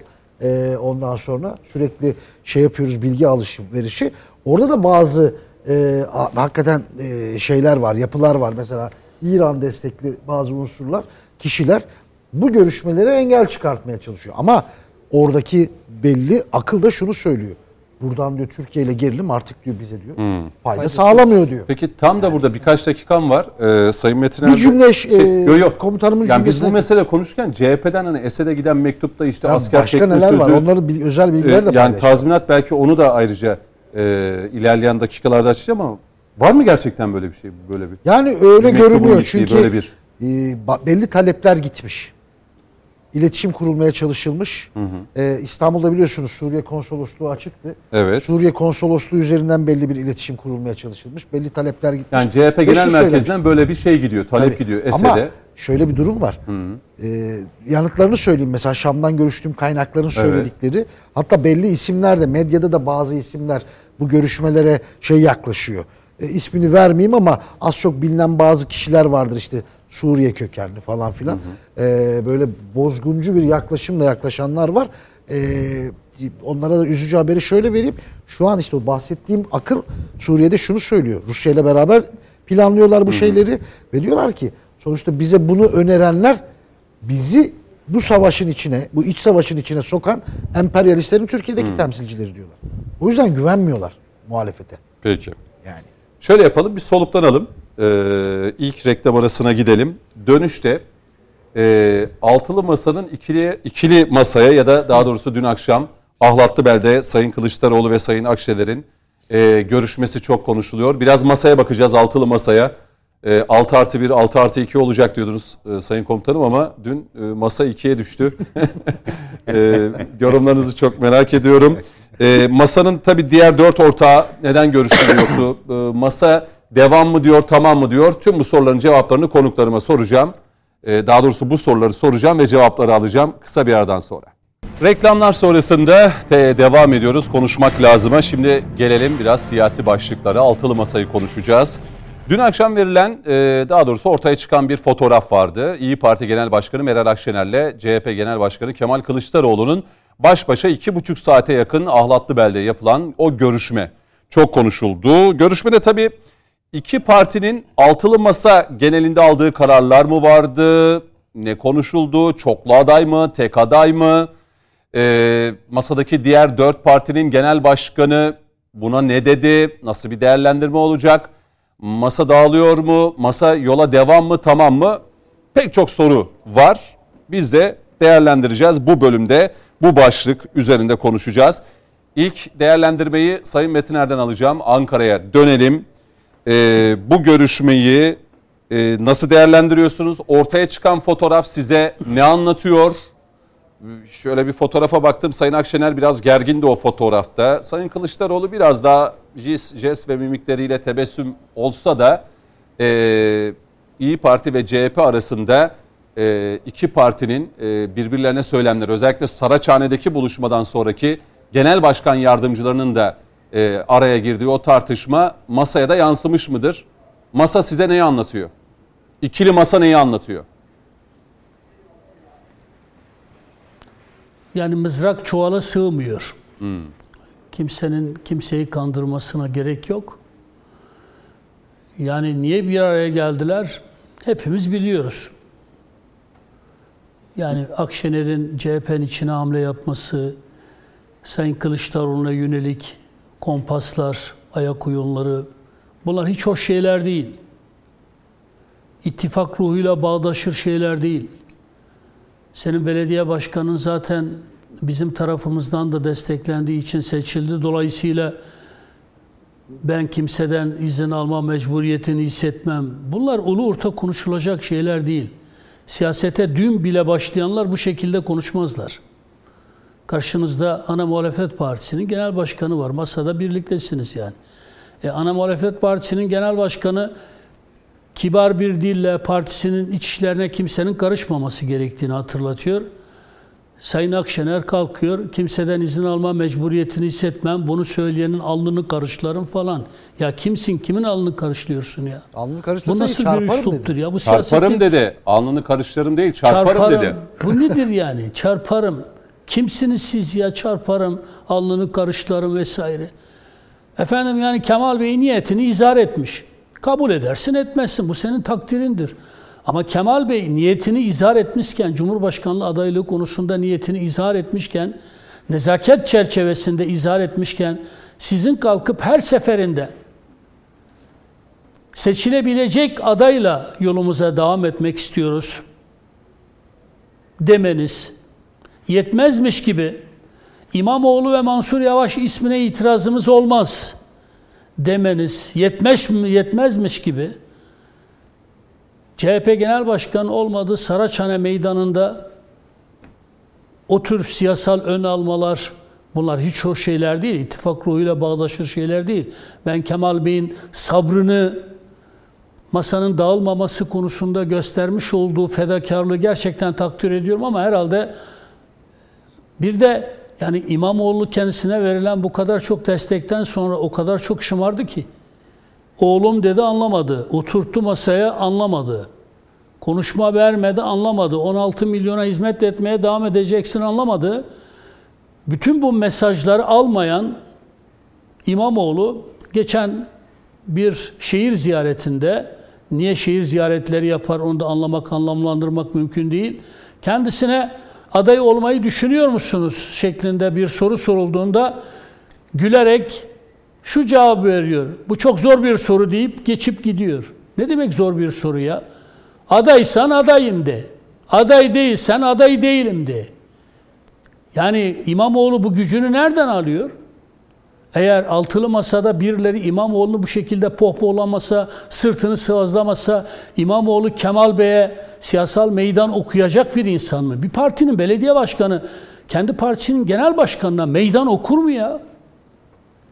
Üstelik de Kemal Kılıçdaroğlu gibi gerçekten e, nezaketiyle, ortaklarına karşı nezaketiyle bilinen bir ismin Alevi kimliğini nin sorun oluşturacağını tedavile sokmak hangi ittifak ahlakıyla bağdaşır ya? Kim bu iddiaları gündeme taşıdı? İyi Parti yöneticileri taşıdı. Yani biz kendi tabanımızı iknada zorlanırız. Niye? E Alevi olduğu için. Ne zamandan beri bu ülkede Alevi olmak, ne zamandan beri Sünni olmak bir imtiyaz aracı olarak görülmeye başlandı ya? Bu ülkenin bütün vatandaşları, dinleri, mezhepleri, yaşam tarzları, ideolojileri ne olursa olsun birbirinin eşitidirler ya. Sen nasıl Alevi kimliğini, aidiyetini bir sorun gibi görür ve takdim edersin? Eğer senin böyle bir sosyolojin varsa bu sosyolojinin bakış açısını değiştirmekle yükümlüsün Meral Hanım. Bak AK Parti Recep Tayyip Erdoğan'ın büyüklüğü burada. Hiç kimsenin Kürt demeye, Alevi kimliğini dillendirmeye cesaret edemediği dönemde çıktı. Kürt kimliği de var dedi, Alevi kimliği de var dedi. Toplantılar yaptı, müzakere masaları oluşturdu. Bu sorunun hiç değilse konuşulmasına imkan sağladı. Ve Tayyip Erdoğan kalktı, şunu söyledi. Biz farklılıklarımızla birlikte Türkiye'yiz dedi. Biz imtiyazları vatan, imtiyazlı vatandaşları olan bir cumhuriyet değiliz dedi. Hür ve eşit vatandaşları olan bir demokratik cumhuriyetiz dedi. E Meral Hanım sen bu fikri savunmayacaksın. Kemal Bey'in dibine oymaya çalışacaksın. Peki ne oldu dün akşam? Bakınız ben bir siyasetçiyim. Siyasetin satır aralarını okumasını çok şükür bilirim. Cidden ne oldu size göre Sayın dünkü davranmam. buluşma? Mesela orada Şu oldu, iki lider Kemal birbirini Bey- ikna etme rekabeti mi vardı ya da kim kimi ikna etmeyi daha çok başarmış olabilir? Yani biri birini ikna edecek gibi. Yani zaten birbirlerini ikna etmiş olsalardı e, ortak bir açıklamayla bunu duyururlardı. Düşününüz ki o toplantıya gitmeden önce Sayın Kılıçdaroğlu korumay heyetiyle görüşüyor. Sayın Akşener korumay heyetiyle görüşüyor. Ondan sonra masaya oturuyorlar. Kaç saat görüştükten sonra çıkıyorlar. Ne Sayın Kılıçdaroğlu bir açıklama yapıyor ne Sayın Akşener. Ne de onlar adına ortak bir açıklama yapılıyor. Bu ne demektir? Kamuoyunun bilmesine fiilen gerek var mı? bitti, Kamuoyunun bitti. bilmesine, seçmenin bilmesine gerek var mı Bakınız görüşmenin? tabii ki bunlar mı ülkeyi yönetecekler? Hani bunlar politbüro gibi ülkeyi yöneteceklerdi. Kendi aralarında anlaşamayan ve bir araya geldiklerinde ne konuştuklarını bilmediğimiz bu insanlar mı? Bu partiler mi? Bu parti liderleri mi ülkeyi idare edecekler?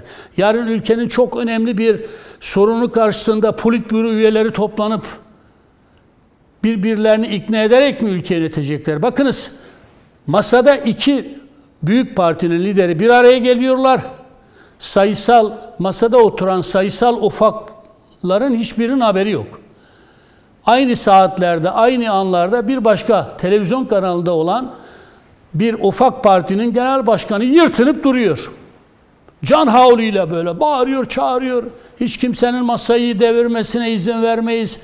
Bu masayı hep birlikte kurduk. Ya ne oluyoruz ya? Ne konuştuklarını bilmiyor, niye bir araya geldiklerini bilmiyor. Ama ortada bir siyasi kriz olduğunu biliyorlar. Yani CHP ile İyi Parti arasında, Kılıçdaroğlu ile Akşener arasında artık ciddi bir güven bunalımı, ciddi bir siyasi kriz olduğunu biliyorlar ama bir araya geleceklerinden haberleri yok. Belli ki en önemlisi de ne konuştuklarından haberleri yok ve bir başka haber kanalında altılı masadaki teklerden biri siyasal geleceğini altılı masaya bağlamış. Onun dışında da zaten e, hiçbir işe yaramayacağını bildiği için altılı masanın devrilmemesi için can havliyle bağırıp duruyor. Aman ha diyor. Bu masayı birlikte kurduk. Ya senin cüssen ne ya? Senin siyasal cüssen ne ki sen bu masayı kurdun? Yani lütfedip sırf Erdoğan düşmanlığı yapasın diye oradan ayrıldığın için o masaya oturttular seni. Yani can havliyle nasıl bir konuşuyor dün izlerken yani öyle bir ismin bir dönem bizim partimizin genel başkanı, başbakanı olmasından o kadar çok üzüldüm ki yani. Yani Sayın Yani Davutoğlu'nun krizden kendine pay çıkarma peşinde olduğunu mu düşünüyorsunuz? Tabii diyor ben şu an nerede olduklarını bilsem giderim atlarım arabaya. Ya ne oluyoruz ya? Hani sen tek başına iktidara gelecektin. Öyle bir gücün vardı senin. Altılı masaya niye bu kadar çok umut bağlıyorsun? Diyelim ki altılı masa yok. Gir. 7 Haziran'dan sonra 1 Kasım seçimlerinde o devasa oyları aldığını söyleyen sensin. Ben tek başıma parti kursam iktidara gelecek siyasal güce sahibim diyen sensin. Bir tek başına gücünü göster bakalım. Şunu demeye çalışıyorum. Demek ki Akşener'le e, Kılıçdaroğlu'nun dışında masada oturan dört partinin de her iki liderin görüşmesinden haberi yok. Her ikinin liderin o masada ne konuştuğundan haberi yok. Herhalde şundan korktular. Aralarında derin bir siyasal kriz olduğunu biliyorlar ya. Aman ha bunlar ya masayı devirirlerse ya Akşener masayı devirirlerse ya eğer o masa devrildiğinde hiçbiriniz hiçbir işe yaramıyorsanız ve o masa böyle bir olayda devrilebiliyorsa bu ülkeyi size nasıl emanet edeceğiz ya? 6 tane, 7 tane, 8 tane benzemez bir araya gelecekler. Politbüro üyeleri gibi oturacaklar, ülke yönetecekler öyle mi? Bu- ülkenin geleceği eğer böyle bir masaya emanet edilecekse çok yazık. Demokrasimiz adına yazık, ülkemiz adına yazık. Şunu söylemeye çalışıyorum bitirirken bir Peki. ne olur bundan sonra. Bana göre bana göre altılı masa fiilen bitti. Ama masayı dağıtmayacaklar. Niye dağıtmayacaklar? Hiçbirisi masayı bozan taraf olmak istemiyor. Bir araya gene gelecekler. Hiçbir şey olmamış gibi gene karşımızda arzı endam edecekler. İşte bu takiye siyasetidir. Yani birbirlerine karşı husumet besleyecekler, birbirlerini arkadan hançerleyecekler. Ama karşımıza geçtiklerinde de hiçbir sorunumuz yok. Biz biriz, beraberiz ve Erdoğan'ı alaşağı edeceğiz. Bu bir takiye siyasetidir, bu bir dürüstlük siyaseti değildir. Gene yan yana oturacaklar, oturmaya devam edecekler. Peki ne olur? Çok net söylüyorum. Bir, Kemal Kılıçdaroğlu adaylığından asla vazgeçmez. İki, o masadan Kemal Kılıçdaroğlu'nun adaylığına onay çıkmaz. Üç, Kemal Bey'in adaylığına onay çıkmazsa Kemal Bey kendi partisinden gösterilecek hiçbir isme evet demez. Gerekirse o masayı devirir. Dört, masa dışında masa, e, masanın içinde Kemal Bey'in dışında hiçbir siyasi partinin genel başkanı aday olarak gösterilmez. Dışarıdan bir aday arayışı başladığı andan itibaren Abdullah Gül'ün başkalarının isimleri gündeme gelip tartışıldığı andan itibaren de siyasal kriz patlar. Dolayısıyla masanın bütün lastikleri zaten patlar. Ee, ve ben bu altılı masanın e, ne Türkiye için bir siyasi gelecek vaat ettiğine inanıyorum ve bu dün akşamdan itibaren de altılı masanın fiilen bittiği kanaatindeyim ama şey oynamaya devam edecekler. Karşımızda gene hiçbir şey yokmuş gibi bir araya gelip e, birbirlerini pohpohlamaya devam edecekler. Peki. Çok yazık yani ülkeye yazık, milletimizin beklentilerine yazık, e, gerçekten demokrasimize yazık. Siyasetimiz adına da utanılır bir durum bu. Takiye siyaseti çünkü. Peki. Coşkun Başbuğ size döneyim. Şimdi öyle bir şey var ki e, yani ben de şimdi bu süreci takip ederken hatırlıyorum. Geçen sene Şubat ayında 28 Şubat'ta ilk toplantı yapılmıştı. Artık neredeyse 10 ay. E, bir yıla neredeyse yaklaşacak. Seçimlere de şurada artık yani 5-6 ay gibi bir zaman kaldı. Hatta daha da az bir zaman. Yani ya Haziran'da olmayacak gibi bazı değerlendirmeler geldiği için hani Mayıs ayı içerisinde bir e, seçimin ve sandığın gelmesi bekleniyor. Şimdi kim kimi oyun dışı bırakacak diye de bir e, geçen hafta mı konuştuk burada Bizans'taki hani taht kavgaları olur ya böyle Bizans oyunları olur. Şimdi Sayın Cumhurbaşkanı geçen sene 28 Şubat'ta ilk bu altılı masa toplantıyı yaptığında bir konuşmasında demişti ki 2023 Haziran seçimlerinde dedi bu altılı masa dedi e, sandığa gidemeyecek. Yani bu masa. Şimdi çoklu aday tartışması var. İşte ilk turda iki aday çıksın muhalefet, iki aday çıksın. Hani ilk turda kim daha fazla alıyorsa Erdoğan'ın karşısına rakip olarak o çıksın deniliyor. Ama e, dünkü o görüşme aslında pek çok şeyi sil baştan yapacak gibi. Yani siz mesela o altılı masadaki bir genel başkan olsaydınız, iki partinin genel başkanının bu fotoğrafını gördükten sonra içinizden ne derdiniz? Masa bitmiştir der, deriz. Normal şartta da bu masa zaten kurulduğu an bitti de. Ama e, dikkat et. Bak aylardır değerlendiriyoruz. Herkes ikili kavga, üçlü kavga, dörtlü çekişme, işte masanın yaşamış olduğu süreçle ilgili bir takım eleştirileri yapıyor ama herkes en son şu cümleyi kuruyor. Öyle de olsa bu masa dağılmaz diyorlar. Futbolda hani yabancı sınırlamaları vardır. 6 artı 2, 6 artı 2 artı 2 şeklinde. Masada 4 artı 2, 2 artı 4 mü olacak? Nasıl olacak? Şimdi şöyle, e, az önce Mehmet abi keyifle dinledim. İşte o da dediğim yere cümleyi getirdi. Ki aynı kanaatteyiz, aynı kanaatteyim. Masaya da şöyle baktığımda bizim masaya. Ortada şöyle bir şerit var, beyaz şerit. E, izleyenler belki e, hani o kapanışa doğru görürler. Masayı... Masayı şimdi de gösterebiliriz yani masamızdaki. Heh. Nedir bu şerit? masayı kuran güç şu beyaz şeridin içinde istediğiniz gibi oynayabilirsiniz. Ama şeridin dışına çıkan olursa yakarım diye baştan oyunu kurmuş. Yani içine bir, Yani bir takım çember çizilmiş. Bu çember bu içerisinde çemberin içerisinde istediklerinizi yapın oynayın. Ha bu oyunlar danışıklı dövüşmü, cambaza bak oyunu mu o da ayrı bir tartışma konusu. Çünkü normal şartlarda akılla, irfanla, ilimle ölçtüğünde diyorsun ki ya bu masa dağılmış olmalıydı çoktan hem de. Dağılmadı, ayları geçirdi. Hatırlarsan ilk daha bu masa kurulduğunda gene buradaydık. Benzer süreci öngördük ve tuttu. Peki masayı sizce ayakta tutmaya çalışan Kılıçdaroğlu mu? Akşener mi? Şöyle zaten Size göre. Sayın Metiner mesela Kılıçdaroğlu dedi. Kılıçdaroğlu'nun şu ana Takdir kadar ediyorum dedi. e, takdir ediyorum dedi ve hatta şu cümleyi kurdu. E, ciddi bir fedakarlık yapıyor Evet, dedi Kılıçdaroğlu. Evet. gerçekten hani baktığın takdirde doğrudan hedefte olan, arkasından e, kuyusu kazılan ve çok da hakikaten benim gayri ahlaki bulduğum bir takım ilişkilerle altı oyulan bir kişi. Almanya'ya gidiyorsun. Doğru ya da yanlış hani o tarafında değilim ben. Ama bir anda senin hemen sağ kolum dediğin ve parti üzerinden bir yere getirdiğin kişi senin masada her ne kadar berabermiş gibi görünüyor olsan da aslında temel hasımlarından biriyle sana karşı argo tabir iş tutuyor. Şimdi normalde nikahlı İmamoğlu partisiyle bir akit var, bir sözleşme var. Ve ben bir takımın üyesiyim. Bu futbol takımı da olabilir, bir siyasi parti de olabilir.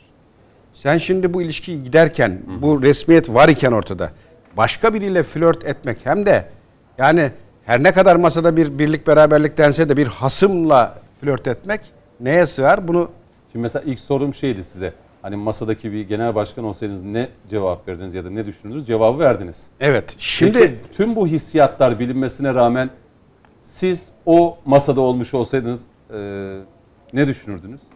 ya ben açık söyleyeyim eğer ben o Kuyunuz masada kazılıyor, arkanızdan bazı filmler çevriliyor. ben o masada e, bakın Kılıçdaroğlu'nun yerinde Yok, olan baş başa görüşmede. Hayır, zaten orada ne görüşüldü bilinmiyor. Ee, Meral Hanım sen ne yapmak istiyorsun? Bir anlat bakalım mı deniyor. Bir hesap sormam var. Yoksa Mesela Sayın Akşener demiş midir? E, Sayın Kılıçdaroğlu biz sizin hani aday olmanıza karşı değiliz ama kazanamayacağını, kazanamayacağınızı düşündüğümüz için aday olmanızı istemiyoruz demiş midir? Eğer bunu dediyse vah ki vah. yani aylar geçmiş. Siyaset biraz da açık olacak, net olacak Ay siz yani. zaten aslında Üstü anlayana kapalı hep sürekli genel başkan yardımcıları üzerinden açıklama yaparsanız olmaz ki. şöyle işte aslında anlayana Akşener o konusu e, o konuda takdir ederim. E, çok net ifadelerde bulundu. Kılıçdaroğlu diyor uzatıyorlar. Kazanacak adayla gitmek lazım diyor. Yani ne desin? Buradan bir şey olmaz. Biz bu yarışta eğer Kılıçdaroğlu'yla yol alırsak sınıfta kalırız mı desin. Açık açık söylüyor işte. Burada normal şartlarda dedi yani sen siz olsan ne yaparsın diye. Ben Almanya döner dönmez hemen bir basın toplantısı ve masayı anda dağıtır idim. Bağımsız bir parti Kılıçdaroğlu olsaydınız. olaydım, bağımsız bir irade olsaydım ben bunu yapardım. Bugün 80 milyona kime sorsan aynı tepkiyi verir. Çok net. Yani hiç lafı eğip bükmeye gerek yok. Arkada e, seni doğrudan karşıya alan bir oyun kuruluyor. Biri 15 milyon diyor, biri 85 milyon diyor. Daha ne desin? E şimdi Bu arada erken seçimle alakalı bugün Sayın İmamoğlu'nun ya seçimler zamanında 2024 yılında yapılacaktır dedi. Mesela Sayın Kılıçdaroğlu Bodrum Meydan dedi İstanbul'da seçimler bir daha yapılsın diye bir açıklama yapmıştı. Sayın İmamoğlu da sürekli bir meydan okuyor Kılıçdaroğlu'na. Şimdi şöyle geçen hafta herhalde konuştuk diye hatırlıyorum. Ee, o kontrollü kucaklaşma var ya. E, o kucaklaşmada aslında bir senaryo işledi. Ve ben orada da şu tespitte bulundum diye hatırlıyorum. Yanlış değilsem düzelt, yanlışsam eğer. Ee, bu tiyatroda Amerika tekrar İmamoğlu'nu öne çıkarma gibi bir niyet ve maksat içerisinde girdi demiştim.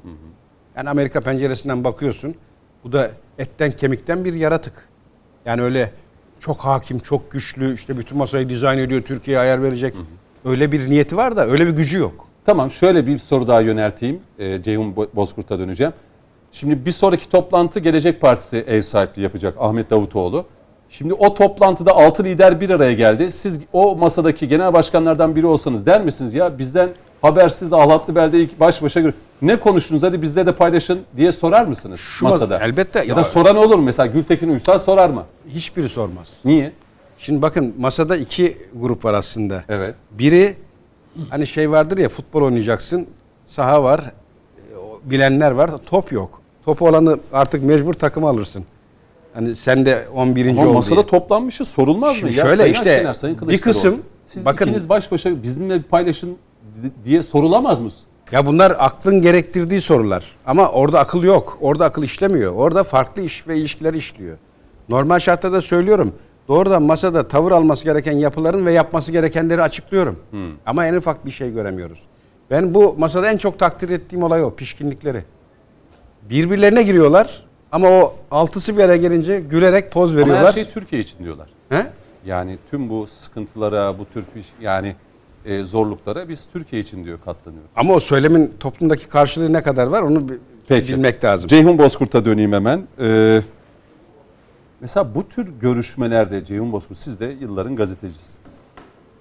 İki, iki buçuk saate yakın bir görüşme oluyor. Görüşme sonrası iki taraftan da bir açıklama olmaması, sözcüler tarafından bir açıklama yapılmaması, altılaması her bir araya geldiğinde bir deklarasyon, bir kağıt ortaya çıkıyor ve kamuoyuna sunuluyor. İşte şunlar şunlar konuşuldu, güçlendirilmiş işte 84 maddeyi çıkardık dediler en son. Ee, kamuoyunun hakkı değil mi bu? Şimdi bir açıklama var. Sayın Akşener bir gazeteciye yapmış. Ee, ama, Ama bu tatmin edici resmi mi? bir açıklama Değil. Yani Tatmin edici bir açıklama değil. Ben burada şunu görüyorum. Sayın Akşener'in o, o Saraçhane'deki çarparım mevzudan sonra açıklaması da dahil değil mi? ben e, sinir sisteminin biraz e, yıprandığını düşünüyorum. Çünkü ilginç açıklamalar yapıyor. E, çünkü Sayın Akşener'in e, aslında e, dimyata pirince giderken evdeki bulgurdan olduğu durum, olma durumuna düştüğü yönünde bir gözlemim var. Neden? Şimdi bakın e, ittifaklar ekseninde önce başlayalım. Sonra Sayın Akşener'in stratejisini de aktarayım. Şimdi ittifaklar ne için kurulur? İttifaklar şu çerçevede ki geçmişte seçim sonrasında koalisyonlar oluşurdu. Eğer bir parti e, işte tek başına hükümet kurma e, gücünü işte şeyini kazanamazsa koalisyon olurdu. Bir protokol yapılırdı. e, Hükümetler kurulurdu. Şimdiki sistemde önceden herkes beyanını belirtiyor. Bir protokol hazırlanıyor. E, asgari müştereklerde buluşuluyor. Ve bu çerçevede deyim yerindeyse bir ilkeler e, çerçevesinde bir programla ittifaklar oluşuyor. Şimdi Cumhur İttifakı'nın programına bakıyoruz. Cumhur İttifakı bir 2023, 2053, 2071 vizyonlarıyla uzun soluklu e, ciddi bir e, ne diyelim Türkiye'nin önüne bir program koydu. bir vizyon sunuyor. Bir vizyon sundu. Türkiye yüzyılı Ki mesela. e, son olarak da Cumhuriyetimizin 99. yıl dönümünde de e, işte çok sayıda etkinlikle beraber Sayın Cumhurbaşkanı Türkiye yüzyılına giriş yaptığımızı 16 başlıkta. 16 başlıkla açıkladı. Bu Yani Cumhur İttifakı'nın önemli. Cumhurbaşkanlığı forsundaki 16 yıldız Tabii. üzerinden. Şimdi bu Cumhur İttifakı'nın projesi değil mi? Buna kimse itiraz edebilir mi? Tam tersine. Sayın Milliyetçi Hareket Partisi'nin Sayın Genel Başkanı vardı. Ondan sonra diğer Cumhur İttifakı'nı destekleyen Büyük Birlik Partisi. Büyük Birlik Partisi vardı. E, bu bir e, beyandı. Şimdi bunu çok en iyi kim açıkladı biliyorsunuz? Meral Akşener açıkladı. Ne dedi biliyorsunuz? Mil- Tarih 12 Mart 2021 katıldığı bir televizyon programı. Diyor ki Millet İttifakı ile Cumhur İttifakı'nı karıştırıyorsunuz diyor. Cumhur İttifakı et tırnak mezara kadar kader birliği. İlkeleri ve Bunu e, Meral Akşener. Bunu Meral Akşener söylüyor.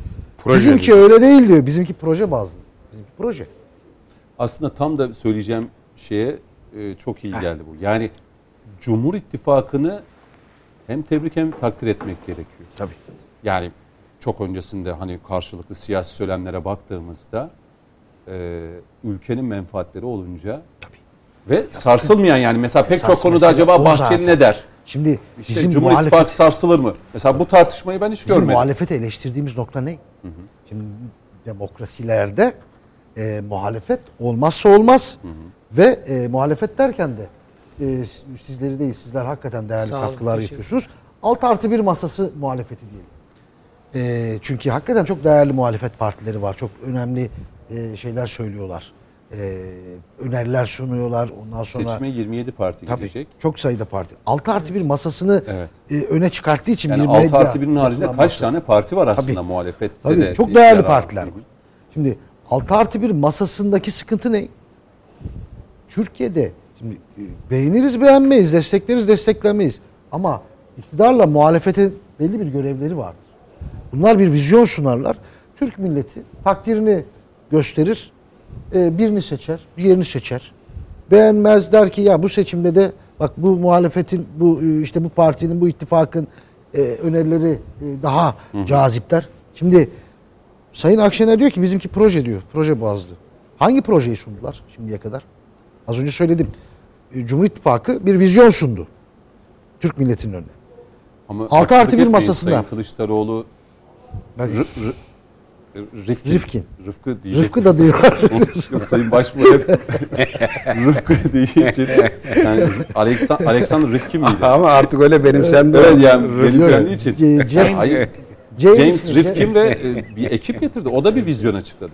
Şimdi vizyon da Ha Jeremy Rifkin. Jeremy Rifkin. Şimdi Ya bir türlü Ee, yani bayağı bir unuturdunuz Rıfkı Rıfkı diye. Burada proje ne biliyor musun? Bakın bizim karşımıza çıkan proje şu. Türkiye'de atılan bütün adımları engelleme. Bunu açık açık söylemiyorlar. Çünkü altılı e, altı artı bir diyelim. O artı bir yok ama e, sürekli aslında gölgesiyle orada bulunuyor. E, masanın altında da duruyor olabilir, saklanıyor olabilir bilmiyoruz ama bir artı bir de var çünkü. E, o masada sürekli bize sunulan güçlendirilmiş parlamenter sistem getireceğiz. Söylemi dışında. Altı da doldurulmuyor. Güçlendirilmiş bir parlamenter sistem nasıl oluyor? Yani parlamenter sistem parlamenter sistemdir. Güçlendirilmişi, zayıflatılmışı nasıl oluyor? Onu da net bir şekilde açıklayamıyorlar. Falan. Başka bir proje açıklamıyorlar o masada. Ama satır aralarında açıklıyorlar projelerini. Dış politikayı 180 derece değiştireceğiz diyorlar. Mavi vatan agresif bir dış politika diyorlar. Yunanistan'a adalarda işgalci demeyin diyorlar. Kıbrıs'ta Batı'yı dinleyelim diyorlar. NATO'ya bağımlıyız diyorlar. Ukrayna Şimdi hatta yeni- Ukrayna'nın yanında yer alıyor. Yeni söylenti Karabağ. Suriye ile görüşme ve tazminat konusu. Tabii şimdi Suriye meselesini emperyalistlerin işte program bu. İşte proje bu. Çünkü yani altı partiye bakın. tırnak Tabii. pazara kadar değil mezara kadar. Tabii. Ama biz projeyiz diyoruz. biz proje. Meral Akşener. Proje ne zaman söylemişti? Projenin özü de şu. Sloganı da şu. 21'de. Erdoğan'ı devirmek. Erdoğan devrimi. Cumhurbaşkanı Erdoğan'ı devirmek için hazırlanan bir projeden bahsediyoruz. Bakın bunu üzülerek söylüyorum. Bunu kızgınlıkla söylemiyorum. Üzülerek söylüyorum. Çünkü hepimiz sonuçta Türkiye Cumhuriyeti'nin vatandaşlarıyız. Bizim beklediğimiz tüm muhalefet partilerinden, tüm partilerden bizim önümüze bir vizyon koyun. Biz ona göre bakalım. Ona göre seçimimizi yapalım. Şimdi birazdan Bak o Aziz projeye hı. o projeye bir takviye yapayım. Önemli bir takviye. çok kısa olsun Aziz Bey'e döneceğim. Şöyle bir takviye yapayım. Az önce Mehmet abi bahsetti. Bana göre üstüne çok durulması lazım. Bir yaklaşık iki ay önce burada biz bunu dillendirdik birlikte. O da şuydu. Bir televizyon programı sabah kuşağı ekonomi tartışılıyor ve konu yedili masaya geldi.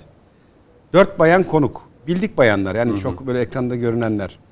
Birisi bana göre çok net ve danışıklı dövüş. Talimatla Evet. aslında dedi Kılıçdaroğlu'nun dedi önündeki en büyük engel ne biliyor musunuz dedi. Aday gösterirler. Nedir dedi ikisi? Alevi olması dedi. Diğeri diyor ki yok canım o kadarına inanmıyorum diyor yani Alevi olmak. Hayır hayır diyor kesinlikle diyor Alevi olması en büyük engel. Şimdi ilk tohum orada atıldı. Biz bunu dillendirdik burada. Bu konu işlenecek dedik. Az önce Mehmet abi de ifade etti. Tabii. Ve bu konu bakın dikkat edin açık açık artık konuşulmaya başlandı. Ya Kılıçdaroğlu'ndan çıkıp da kardeşim nereden çıkarıyorsunuz bu safsataları? Yıllardır siyasetin içindeyim ve Alevi kimliğim de zaten ortada. Bana da bu ana kadar hiç Evet. kimse engel olmadı. Ya Alevi ne nasıl bir safsatadır, ya. nasıl bir dedikodudur, bir tepki duydunuz mu? Duymadınız. Doğru. Şimdi bu konuyu bak önümüzdeki günlerde çok pişirecekler. Bekleyip Şimdi göreceğiz. bir iki cümleyle Hadi alayım. Aziz Bey'e döneyim. Ee, Aziz Aziz Bey'e- Bey'e çok güzel bir soru yönelteceğim. yüzden. Şimdi burada proje bu. Biden'ın söylediğiyle de örtüşüyor. Rand Corporation raporuyla da örtüşüyor. Çünkü neden? Devlet politikalarının bugün az önce ne dedik? EYT konusunda da söyledik. Bütün konularda her zaman siyasi iradenin desteği her zaman önemlidir. Şimdi Türkiye'nin son dönemde attığı bütün önemli adımlarda yani güvenlikten dış politikaya, ekonomiden diğer adımlara bütün e, olumlu e, Türkiye'yi ileriye çıkartan adımların arkasında Sayın Cumhurbaşkanı'nın e, ve AK Parti kadrolarının e, ciddi e, desteği var. Budur. Şimdi işte bunu kesmek için. Bunu kesmek. Yani Amerika'nın Türkiye'ye kızdığı politikalara bakın. Muhalefetin söylediği söyleme bakın. Hepsi örtüşüyor. Bu nedenle ilke, ilke birliği olmayan, ortak bir çözüm noktası bulamayacak, ilkesizler ittifakının bir masa etrafında buluşup sürekli e, bu e, benzer söylemlerle e, karşımıza çıkması zaten krizi getirecekti. Ben hep şunu söylüyorum. Bir simülasyon yapın. Hani olur ya bazen ordular çok yapar. Komutanı bilir. Şimdi böyle senaryolar üzerinden tatbikatlar yapılır. Bir simülasyon oluşturun kafanızda. Bu masanın bu haliyle bu e, konjonktürde dış politika, güvenlik, ekonomi, dünyada hegemonya mücadelesi yaşanırken bu e, dönemde bu masanın Türkiye'yi yönettiğini düşünün.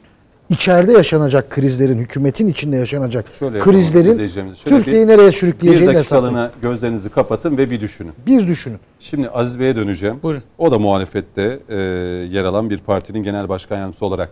Şimdi etle tırnak pazara değil mezara kadar olan bir Cumhur İttifakı'ndan bahsediyor Sayın Meral Akşener ve biz bir projeyiz diyor ve amacımız Erdoğan'ı devirmek. E, Türkiye Değişim Partisi'nin de e, hedefi ya da amacı Erdoğan'ı devirmek mi diyeyim? Yani bu masanın dışında olan bir parti olarak. Şimdi evet teşekkür ederim. Hatta birkaç gün öncesinde bir birkaç haber de gördüm. Yani masaya davet mavet Yok şu anda Öyle bir bizim şey var mı? e, Dedikodu mu, masadan fısıltı aldığımız mı? herhangi bir davet söz konusu değil. Alırsanız peki. Ee, biz alırsak ister e, altılı masada olsun, ister Cumhur İttifakı'nda olsun elbette gider görüşlerimizi paylaşırız. Ancak bazı ilkelerimiz var. Ancak o ülkeler çerçevesinde bir araya gelirsek e, bir noktada anlaşabiliriz ya da anlaşamayız. Ama şunu söylemek lazım. Biz tabii Türkiye Değişim Partisi olarak e, parlamenter rejimden yanayız. Yani bunun olması gerektiğini düşünüyoruz. Tabii şimdi az önce Ceyhun Bey'in söylediği yerden gidince olay biraz daha farklılaşıyor. Çünkü Cumhur İttifakı zaten Türkiye'de anayasal bir değişiklikle başkanlık sistemini getirmek üzere yapılanmış bir e, ittifak idi. O ne tek Daha doğrusu 15 Temmuz'un sonrasında Sonrasında oluşan bir bir ruhtu. ittifak. Dolayısıyla- bir ruh. Evet. Yani ittifaktan çok ben bir ruh olarak. Ama sonuçta bir ittifaka Tabii ki, dönüştü. Bugün ittifak. konuştuğumuz şey ittifak. Dolayısıyla onların e, başkanlık ya da Türk sistemi, Türk e, başkanlık sistemi, hükümet sistemini devam ettirmek noktasındaki sonuna kadar ittifak içinde olmaları ve bir görüş birliği içinde olmaları son derece normal ve bu çok da doğal. Evet. Ve bugüne kadar da bu noktada herhangi bir şey vermeden, bir e, sıkıntı yaşamadan, sorun yaşamadan devam ediyor. Ancak diğer tarafa baktığımız zaman birbirinden farklılaşan bir unsur var. Ya Birincisi, siz bu masayı gördüğünüzde genel başkanınızda Sayın Sarıgül'le de zaman Evet. zaman biz de çok konuştuk. Yayınlarda Evet. da konuştum. Kişisel olarak Buyurun. bu masada yaşananları gördüğünüzde verilen fotoğraf siz masada olmak ister misiniz gerçekten? Şimdi şöyle bu son günlerde yaşanan nokta aslında işin pek içinden çıkılır bir noktada olmadığını gösteriyor. Ee, şunu çok kısa bir cevap yerine Tabii. şöyle bir toparlamam lazım. Şimdi biliyorsunuz 2018'de bir Millet İttifakı vardı.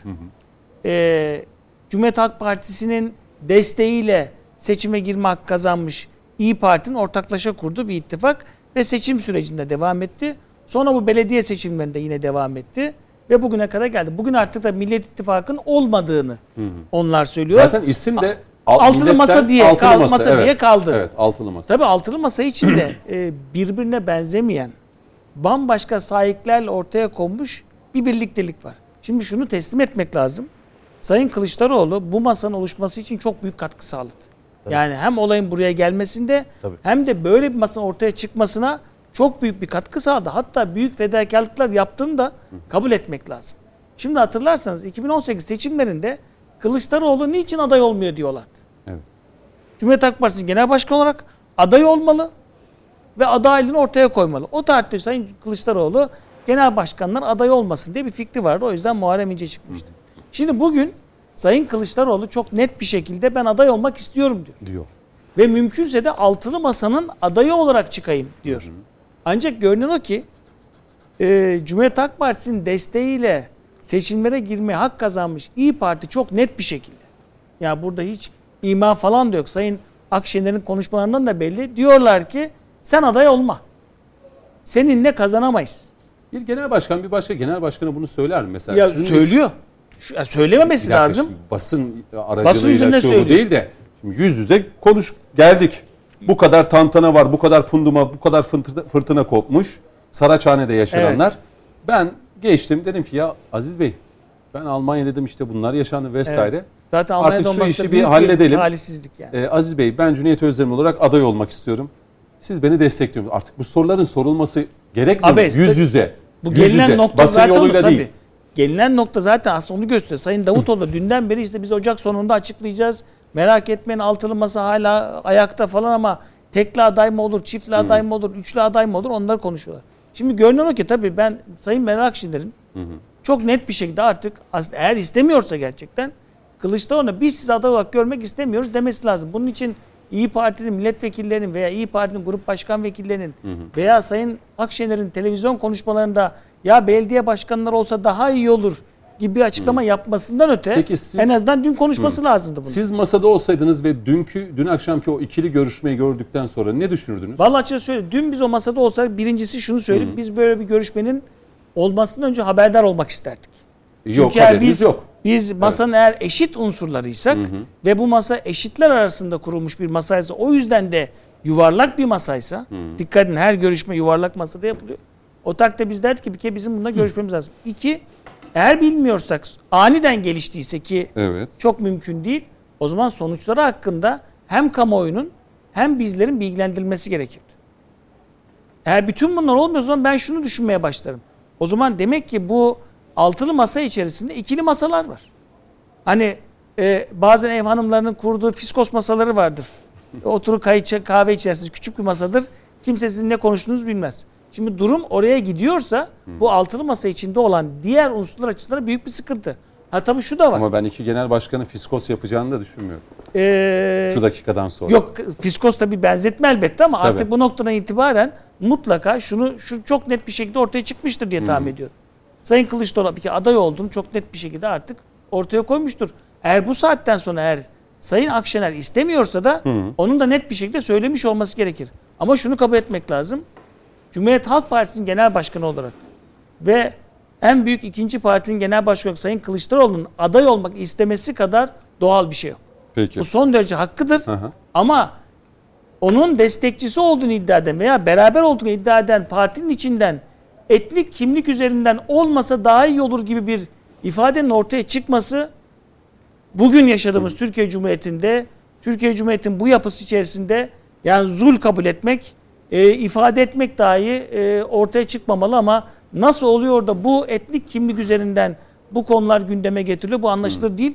Ama görünen o ki az Hem önce Ceyhun hem mezhebi kimlik. hem mezhebi kimlik. Az önce Ceyhun Bey de çok güzel söyledi. Bir de olayın şöyle bir tarafı var.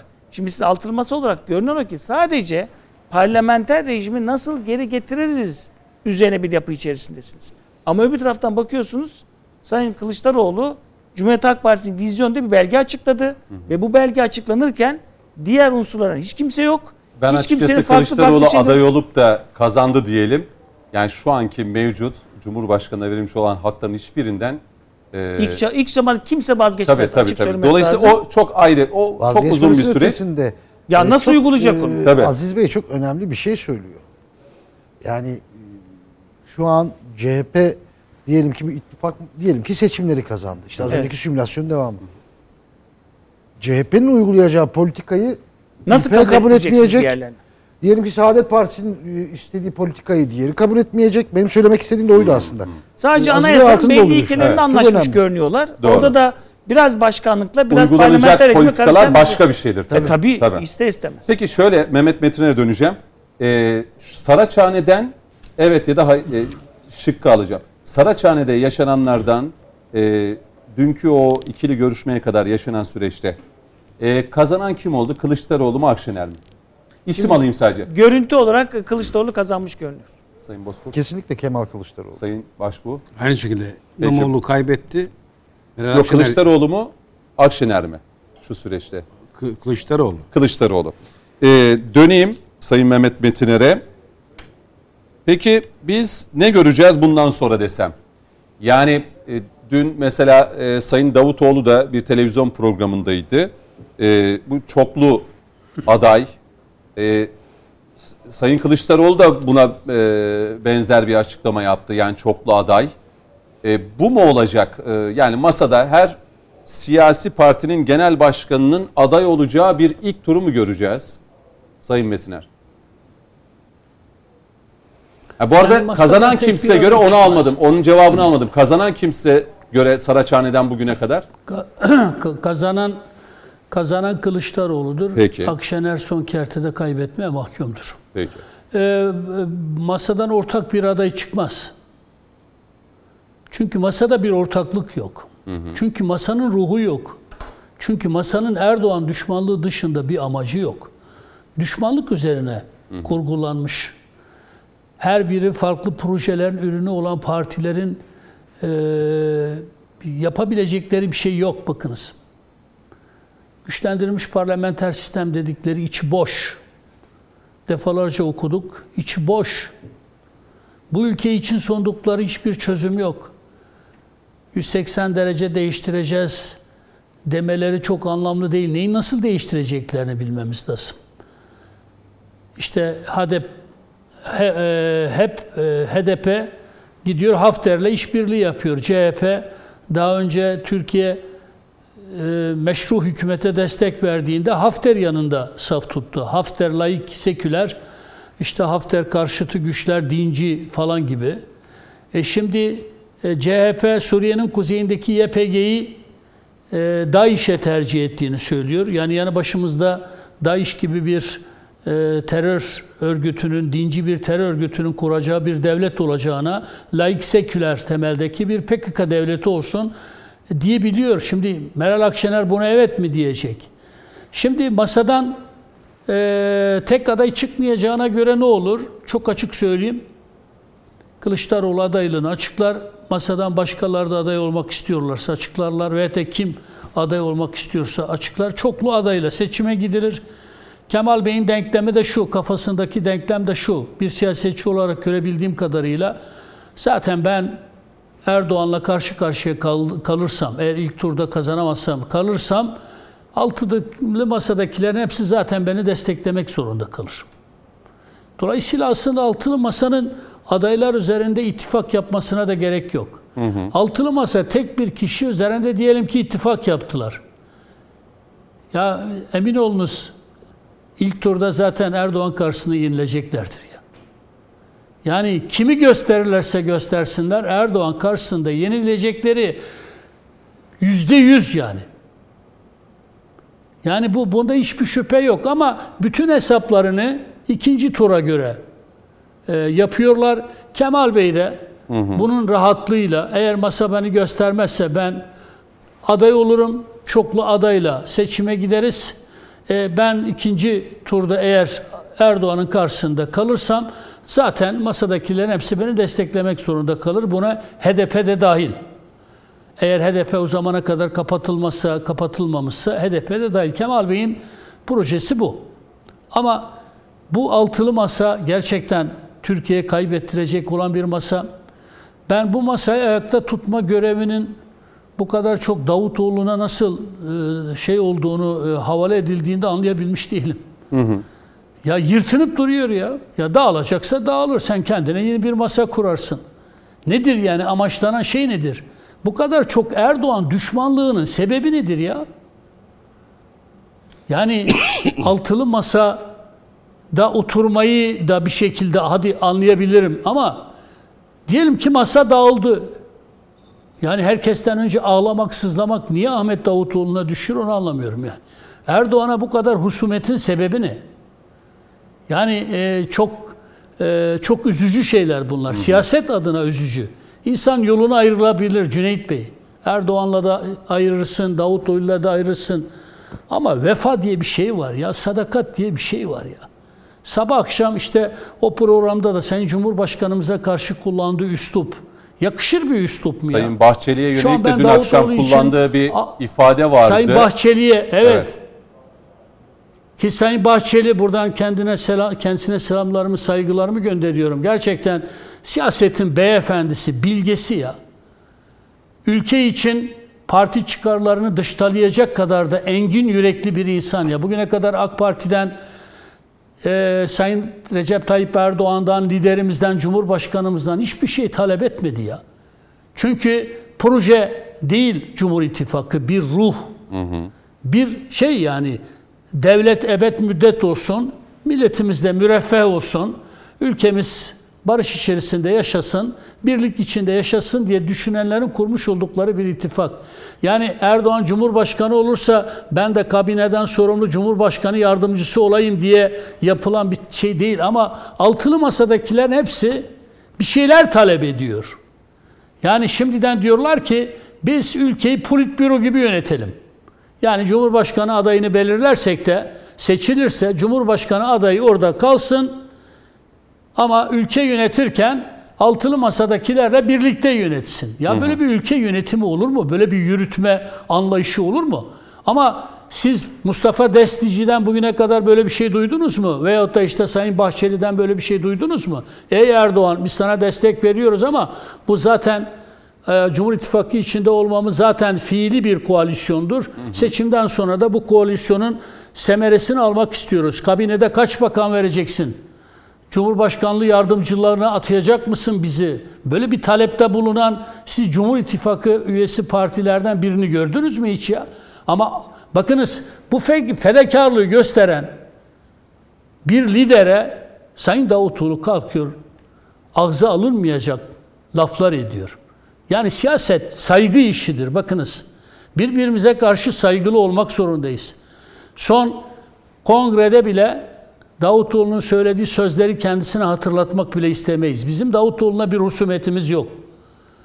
Bütün yapıp ettiklerine rağmen bir husumetimiz yok. Çünkü etrafında bulunan arkadaşlar geçmişte beraber olduğumuz arkadaşlar. Evet, birbirinden evet. kıymetli arkadaşlarımızın siyaset yaptığı bir yer. Onların hatırına bile olsa liderleri olduğu için Sayın Davutoğlu'na e, kırıcı laflar etmek istemeyiz. Ama bu kadar Erdoğan düşmanlığı, Bahçeli düşmanlığı, masayı bu kadar herkes dağıtsa bile biz toparlarız. Ben toparlarım, ayakta tutarım.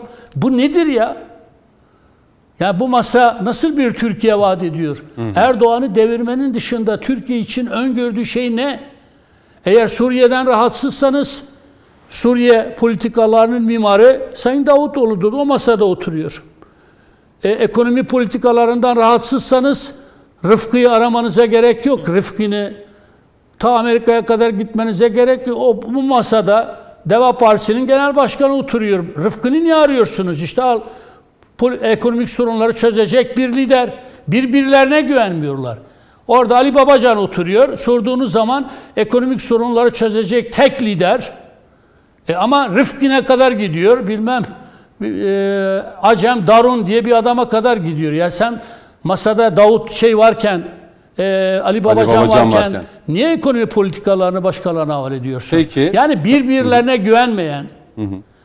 Yani sözümü bitiriyorum. Tabii. Ee, şimdi önemli olan asgari müştereklerde bir araya gelmek değildir. Temel müştereklerde bir araya gelmektir. Siyaseti de düşmanlaştırıcı bir e, taht oyununa dönüştürmemek önemlidir. Birbirimize karşı edepli, siyasetin diline, ahlakına yakışır bir biçimde konuşmamız lazım. Ben e, kimyası bozulan siyasetçilerin giderek ve de kimyası bozulan belediye başkanlarının giderek ağzının ayarlarının kaçtığını ve hepimizin de kimyasını bozmaya yöneldiklerini görüyorum. Bu oyuna düşmeyelim. Bugün İmamoğlu'nun Sayın İçişleri Bakanımız hakkında söyledikleri, oraya atanan değerli baş müfettişimiz için AK Parti'nin militanıdır gibi saldırganca ifadeler kullanması hiç de hayra alamet değil kendini herhalde İstanbul'un kralı zannediyor. Yani kimse Ekrem İmamoğlu'na dokunmayacak, kimse onu eleştirmeyecek, kimse ona ilişmeyecek. O her istediğini yapacak, kendini yerel bir monark zannediyor. Herkese her şeyi söyleyecek ama hiç kimse İmamoğlu'na bir şey söylemeyecek. Böyle bir siyaset, böyle bir yönetim tarzı olmaz. Yol yakınken herkes bu yanlıştan vazgeçmeli diyorum. Peki. Şimdi reklama gitmeden önce Ceyhun Bey size vereceğim. Dönüşte de üç değerli konuğumuzdan da e, bu başlık üzerinde e, yorum alacağım. Biliyorsunuz pazartesi günü Sayın Cumhurbaşkanı enerji yani enerjideki bağımsızlığımızın da açıkçası önümüzdeki günlerde ateşi iyice alevlenecek. Yani o e, çakmağı çaktık, alev çıktı. E, bu daha da büyüyecek. Yeni rezervleri paylaştı. E, CHP tarafından bir açıklama geldi. Grup Başkan Vekili e, Engin Özkoç. Ya bu yalana inanan var mı? dedi. Yani Sayın Cumhurbaşkanı'nın yani bilimsel, yapılmış, e, üzerinde e, çalışılmış aylardır, yıllardır yani ciddi, büyük belki de dünyada e, birkaç ülkede olabilecek bir enerji filosu kurulmuş.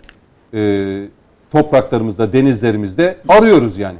Zaten arayanlar bulanlardır. E, bunun da altını çizelim. Sayın e, Devlet Bahçeli e, çok e, ağır eleştirilerde bulundu bu konuda. Hatta şu örneği verdi oradan sözü size atayım. Hürmet ve rahmetle yad ettiğimiz kutlu düşürümüz Yusuf Has Hacip edepsizlere ne demiş? Bakalım ve kulak verelim. Edepsizin yüzü dikkat edersen etsiz bir kemik, edepsizin özü kapanmaz bir gedik. Türkiye muhaliflerinin hali pür melali budur. Şimdi enerjide bir şey açıklanıyor. Ben dün de böyle bir e, dün ve salı günü de e, salı günü e, itibariyle yapılan tartışmalara baktım. Bir teşekkür var ama hep amalar, amalar, amalar eklenerek e, çok da bu mutluluğa ve sevince e, ortak olunmadığını da gördüm ve bu yalana inanan var mıdır diyen CHP Grup Başkan Vekili Engin Özkoç. Ya bu, bu Hazır- yalan denir mi? Bu, bu- Ya, söylenecek çok söz vardı. Buyurun. Yani şimdi Sayın Bahçeli demişken az önce e, sizler de hatırlattınız. Mehmet abi de hatırlattı. Ee, Ahmet Davutoğlu e, Türkiye'yi Suriye'de e, o batağa sokan işleri yaparken ki Mehmet abiler sonra AK Parti içinde ciddi mücadeleler yürüttüler. Yani e, ondan sonra o dönemler verdikleri mücadeleleri biliyoruz az çok. Şahidiz yani. Türkiye'yi o AK Parti'yi de sıkıntıya sokan bir süreci işletirken bakın Sayın Bahçeli hani bir laf söylüyor ya. Bakın Sayın Bahçeli diyor ki 6 Ağustos 2012'de 2012 yılı bakın Suriye karıştı. Terör örgütü o işgallere başladı. Diyor ki ülkemize yönelen tehditleri en aza indirmek amacıyla Batı ucu Afrin, Doğu ucu Kandil'i içine alacak biçimde tesis edilecek hilal şeklindeki bir güvenlik kuşağının bir an önce sağlanmasını ve icra edilmesini talep ediyor. Kimin aklının büyük olduğunu bu cümle çok net gösteriyor. Herkes Sayın Ahmet Davutoğlu da biliyor. Sayın Bahçeli'yi de çok iyi biliyor. Mehmet abi çok güzel söyledi. Zaten o mücadeleler sayesinde AK Parti arındıktan sonra daha büyümeye başladı AK Parti. Bakın bu çok önemli. E, o açıdan e, Mehmet abilerin de yüreğine sağlık o mücadelelerde. E, hakikaten Türkiye açısından çok büyük Çok şeyler farklı alanlarda bir bağımsızlık mücadelesi veriyoruz. Yani bu enerji Ya konusundaki bu içeride tavır. dışarıda. Şimdi e, Ya oradan oraya ana gidiyor. muhalefetinin grup başkan vekili. Aynen. Şimdi Bu yalana Suriye inanan var mı konuştuk. diyor. Cumhurbaşkanı diyor ki 710 milyar metreküp. Uluslararası e, e, alanda bunun değeri 1 trilyon trilyon dolara dolar. yakın diyor. Ve buna inanan var Şimdi mı? Bu yalana inanan var 710 mı? milyar metreküp değil mi? Hı hı. 710 milyar metreküp nedir biliyor musunuz?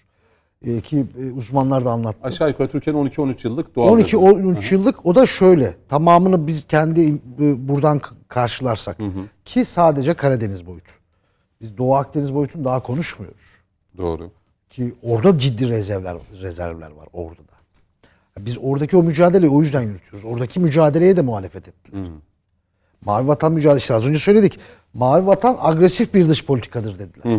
Sayın Kılıçdaroğlu'nun en yakındaki isim. Dış politikasını yöneten isim.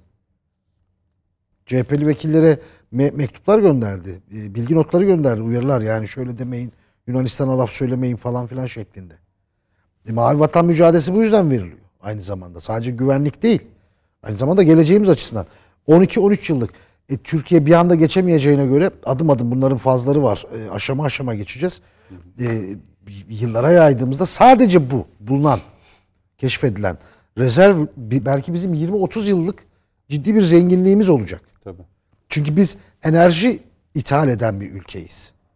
Biz şimdi bunu e, enerjiyi kendi üreten ülkeye Dışa dönüştürme. bağımlılığı olabildiğince azaltmak. Savunma sanayinde nasıl Aynen 80'lere kadar Aynen. bağımlıydık? Şimdi- Şimdi, %20'lere düştü. Aynen öyle. E dışarıdan alıyorsunuz. Dışarıda belli bir maliyeti var. E dışarıdaki adam kendi çıkarı için satıyor. Doğal hakkıdır o. Tabii biz Şimdi ne diyeceğiz? Rusya'sı da öyle Benim 15 düşünür. yıllık doğal gazım var şu anda. E Yani. Pazarlık dediğim güçlenecek. Yani şimdi ben o ülkelere bir şey demem. Kendi çıkarları için bunu yapıyorlar. Kendi çıkarlarını düşünüyorlar. Reklama Biz de kendi diye de uyarı mı geldi? gidelim mi? Gidelim ondan sonra. Reklam Ya da önemli. Şöyle gidelim aslında. Ya o gün ben baktım muhalefet adına bazı siyasi partilerin vekilleri işte il örgütlerinde il başka. Ya açın açın kombileri, açın örnek. açın pencereleri diye. Ya ülkenin hep açıklanan bu projeyle alakalı niye böyle bir alaylama, bir küçümseme? Dönüşte vereyim birkaç dakika size gene. Yine Tamam bu bir konuda. önemli bir örnek Tamam şey yapayım. peki. Ee, son araya gidiyoruz. Devam edeceğiz. Son dilimdeyiz ve süre daraldı. 13-14 dakikamız var. Enerji Hızlıca konusunda Türkiye'nin hamleleri muhalefet tarafından hep küçümseniyor. Birincisi Buyurun. şu. E, enerji çıkartmamızı kim istemez? Yıllardır konuşuyoruz zaten. E, bu raporlarda da var. E, ciddi kitaplarda da okuduk biz. Bunu araştırmacı insanların çalışmalarında da gördük. Gelişmiş ülkeler yani emperyalist ülkeler gelişmekte olan ülkelerin gelişimini sanayi anlamda gelişimini engellemek için enerjiyi baltalamaya çalışır. Bunu petrol yüzyılını ıskalattılar bakın bize. O geçen yüzyılı biz ıskalattılar. Neden? İşte Musul Kerkük hattını ele geçirdiler. O içeride isyanlarla beslediler. Başka başka provokasyonlar yaptılar. Biz petrol yüzyılını ıskaladık. Doğru. şimdiki yüzyılı ıskalamak istemiyoruz. Bunun mücadelesini veriyoruz. E, muhalefetin bugünkü tavrı işte bu emperyalist merkezleri sözcülüğüdür. Bakın bir örnek, bir cümleyle onu şey yapayım. Dünyanın hiçbir yerinde bu tarz bir çıkış olmaz. Çünkü e, biliyorsunuz Libya'da e, meşru hükümete karşı birilerinin beslediği bir Hafter diye bir adam çıktı. E, adam e, etrafına silahlı adamlar de, devşirdiler, doldurdular ve e, meşru yönetime karşı mücadele veriyordu. Doğu Akdeniz'de de Fransa biliyorsunuz emperyalist e, emelleri olan bir ülke e, ve onun hala peşinde. Doğu Akdeniz'de sınırı olmamasına rağmen e, geliyor Doğu Akdeniz'de işte işler yapmaya çalışıyor. Hı hı. Onun ünlü bir petrol şirketi ismini vermemizde bir mahsur var mı bilmiyorum. Fransız Total. Hı hı. Bakın bu Hafter'e Total 6 tane askeri helikopter satın aldı hibe, hibe evet, etti. Son olarak onu Ve yani adamlar enerji meselesine evet. bu çerçevede bakarken biz ne yapıyoruz? Bizim muhalefetimiz bulduğumuz enerjiyle dalga geçerek, evet, maalesef. olayı küçümseyerek yaklaşıyor. Bu nedenle işte az önce konuştuğumuzla bağlantılı. Hı. Eğer girdiğin angajmanlar yurt dışıyla bağlantılıysa, hı hı. yurt dışıyla ayak Ankara'ya değil de Washington'a, Brüksel'e, Londra'ya basıyorsa bu çıkışları yapmaları Peki. doğru. Aziz Bey buyurun 2-3 dakika vereyim. Evet Bu şimdi siz ne düşünüyorsunuz parti şimdi, olarak? Şimdi şöyle tabii e, bu bulunan rezervlerin Türkiye için son derece önemli olduğunu kabul etmek lazım. Çünkü Türkiye uzun yıllarda enerji ithalatı yapan ve sadece bu yıl içinde 100 milyar dolar enerjiye para harcamış bir ülke. Ve biz bunun büyük çoğunluğunda doğal gaz ve petrol yoluyla kuzeyden ve güneydeki ülkelerden alıyoruz. Dolayısıyla bizim bugün itibariyle 1 trilyon dolara vardığı hesaplanan bir doğal gaz rezervine sahip olmamız en azından bizim bağımsız bir yapı içerisinde kendi politikalarımızı üretmemiz açısından da son derece önem arz ediyor. Dolayısıyla burada bunu küçümseyecek bir yapıya girmek son derece kabul edilebilir bir şey değil. Yani Erdoğan bunu seçim yatırımı olarak kullanıyor. Seçimi kazanacak diye işte millete e, Engin Özkoç'un aklıyla konuşuyorum evet. ben de. Hı hı. Ya bu yalana inan yani yalan söylüyor diyor Sayın Cumhurbaşkanı. Şimdi, Seçimi kazanmak için millete yalan söylüyor. Şimdi diyor. tabii e, ülkemizi yöneten Sayın Cumhurbaşkanı yalan söylediğini kabul etmek mümkün olmaz. Kaldı ki bu bilimsel de bir durumdur. Yani evet. burada rezerv var mı yok mu önümüzdeki birkaç ay içerisinde zaten belli olur. Yani bunu tarih de verir. Ya, Tarih tabii verir. Mart, Mart ayı itibariyle evet. ilk defa evet. kullanılmaya başlayacak dendi. Dolayısıyla Çaycuma bölgesinde o ilk Çaycuma bir Hı. havzasında bu doğalgazın bulup bulunmadığını zaten jeologlar ve bir bilim adamı bunu ortaya koyacaktır burada yalan söyleniyor veya işte hadi az önce sizin söylediğiniz gibi açın kombileri kullanın. Böyle bir yapı içinde olmak kabul edilebilir değil. Benzer bir durum TOG içinde geçerli. Tabii. Yani TOG'daki durum da aynı. Efendim TOG yapıldı ama işte yok pili şuradan geldi, tasarımı buradan. Ya sonuç itibariyle bu bir başlangıçtır. Hı hı. Sonuç itibariyle TOG'un mülkiyet hakları tamamen tamam, Türkiye'ye aittir. Aynen. Sonuç itibariyle Gemlik'te yapılan fabrika bir Türk fabrikasıdır. Hı hı. Orada çalışan Türk işçileri, Türk mühendislerinin bir sonucudur. Ha bugün başlangıç itibariyle elbette bazı ihtiyaçlar karşılanabilir. Bu şu demek değildir. Siz gidip Çin'de de fabrika kurabilirsiniz. Doğru. Önemli olan TOG'un fikri mülkiyet haklarının kimde olduğudur. Bugün dünyaca ünlü birçok telekomünikasyon markası sanki Amerika'da, Almanya'da, Norveç'te mi üretiliyor? E mesela Hepsi işte Çin'de üretiliyor. İngiliz markası vardı, Hindistan'a geçti. O kadar. Ya bunu şey yapmak mümkün değil. Tabi burada sadece Çaycuma Havzası'nın aynı zamanda bu Silivri Doğalgaz Merkezi'nde hı çok net bir şey söylemek lazım. Çünkü Türkiye o sayede bugün Avrupa'nın içinde bulunduğu o e, Rusya bağımlılığından nasıl çıkacağı noktasını şimdiden çözmüş oldu. Bir de bunun yanında nükleer santraller konumuz var tabii. Yani Türkiye maalesef geç kalarak hı hı. ama artık yapmaya başlıyor. Bugün Akkuyu bu yıl içinde açılacak. Evet. Sinop açılacak. Doğru. Ve üçüncü bir nükleer santral açılma durumu var. Biliyorsunuz Avrupa ülkeleri bu biraz yeşil çevrecilik e, onlar da geri dönmeye başladı. Nükleer santralle bir anda kapattılar ki biliyorsunuz Jeremy Rifkin özellikle Almanya'da bu nükleer santralin kapatılması noktasında ciddi bir danışmanlık yapan bir kişiydi. Sonuç itibariyle şimdi yeniden nükleer santral açmaya çalışıyor. Bakın Doğru. yaz aylarında e, Frankfurt'tan e, başka bir yere giderken Frankfurt Havalimanı'nda klimalar çalışmıyordu. Doğru. Şimdi dönerken e, tekrar tespit ettik. Bu sefer de sıcak e, üfleyen klimalar yine çalışmıyor. Çünkü enerji sorunu var.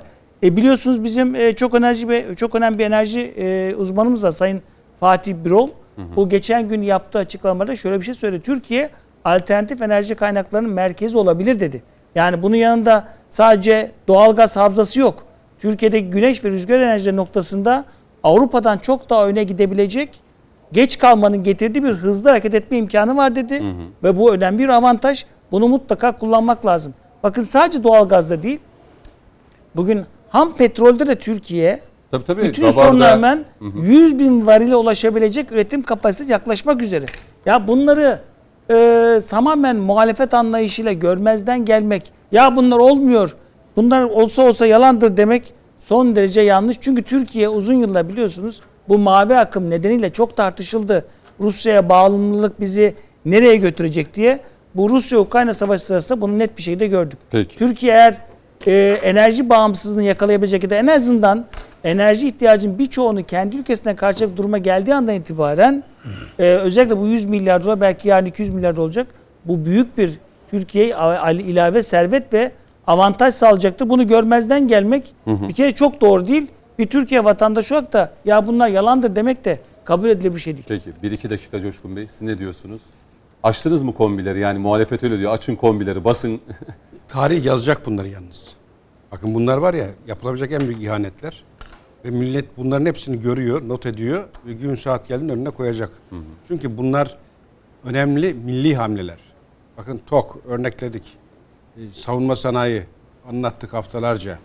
Enerji konusu ki bir damla kan bir damla petrol diyen bir mantığın körelttiği Türkiye'nin ilk defa ayağa kalktığı süreci yaşıyoruz. Ve önümüzdeki süreçte enerji ciddi sallantılar yaşanacak. Kaynaklar tükeniyor. Biz o kaynaklara daha yeni ulaşıyoruz. Bunun önümüzdeki hani bırak artık maddi boyutunu. Size getireceği gücü siz tahmin edin. Petrolü de bulmaya başladık bu arada. İşte Gabar Tabii. ki daha çok Şimdi var. Cudi temizlendi. Cudi'de de başlayacakmış. Daha çok var. Şimdi terörle mücadele şapka çıkarılan bir süreçten geçiyoruz. Türk Devlet Teşkilatı geliyor Turan ordusu. Bütün bu süreçte muhalefetten hadi enerjiyi görmedin, gördün, sağırdın, duymadın. Bunların hiçbirine en ufak bir Ya metiye enerji görülmeyecek En ufak- şey mi? En önemli başlık. ya işte onu şu an- söylüyorum. Evet. Bütün bu süreçte en ufak bir metiye tek bir övgü duydun mu bu konularla ilgili? Tamamını görmezden geldiler. Tamamını inkar ettiler. Ve bunu da bilerek ve kasten yaptılar. Niye? Batı'dan aldıkları akıl o. Dün Batı- mesela bazı siyasi partinin genel başkanını dinledim. ya işte bu şeyden hattan günlük işte e, 3,5-4 milyon metreküp gelecek. Aynı anda 720. Ya dünyada hiçbir teknoloji aynı anda 720 milyar metreküpü borudan alıp da hani e, tüm Türkiye'yi dağıtacak Ha, ya da öyle bir şeye depolayacak ihtiyaç bir şey yok zaten. E, yok ihtiyaç da yok Öyle bir yani. şeye Niye yok. Yapalım? bakın Aha. Putin diyor ki Türkiye enerjinin merkezi olacak diyor bakın Putin. Tabii. Dışarıdan bir kişi ülkedeki gerçekleri görebiliyor. Örnek mesela benim Ankara'da yanı başımda barındırdığım vekil diye para verdiğim kişi süreci görmüyor, görmezden Ya geliyor. siz bir siya- milletvekili olsanız der misiniz böyle bir şey? Yani Ya- bu yalana inanan var mı diye. Şimdi bakın muhalefeti veya taraftar hiç önemli değil. Bazı konularda %95'lerde milli mutabakat. Bu da bunlardan biri. Ve sen bu mutabakatı görüp buna rağmen bu geçin bunları, bunlar bir yaran, bunlar efsane, şehir safsatası der isen bu millet sana bunun yarın öbür gün önüne faturasını koyup hesabını sorar. Şimdi bugün dakikam Sayın Metin Erdem. Ha, bugün şunu söyleyip devredeyim. Elimizdeki teknoloji dünyanın en iyisi. Ki Berat Albayrak'a buradan yürekten e, teşekkür etmek lazım. Sürecin önünü açan bakanlık döneminde bir e, dönemi başlatan kişiydi. Ve söylüyorum hani hep şu konuşuluyor. Az önce Ceyhun senaryolar, tatbikatlar dedi ya.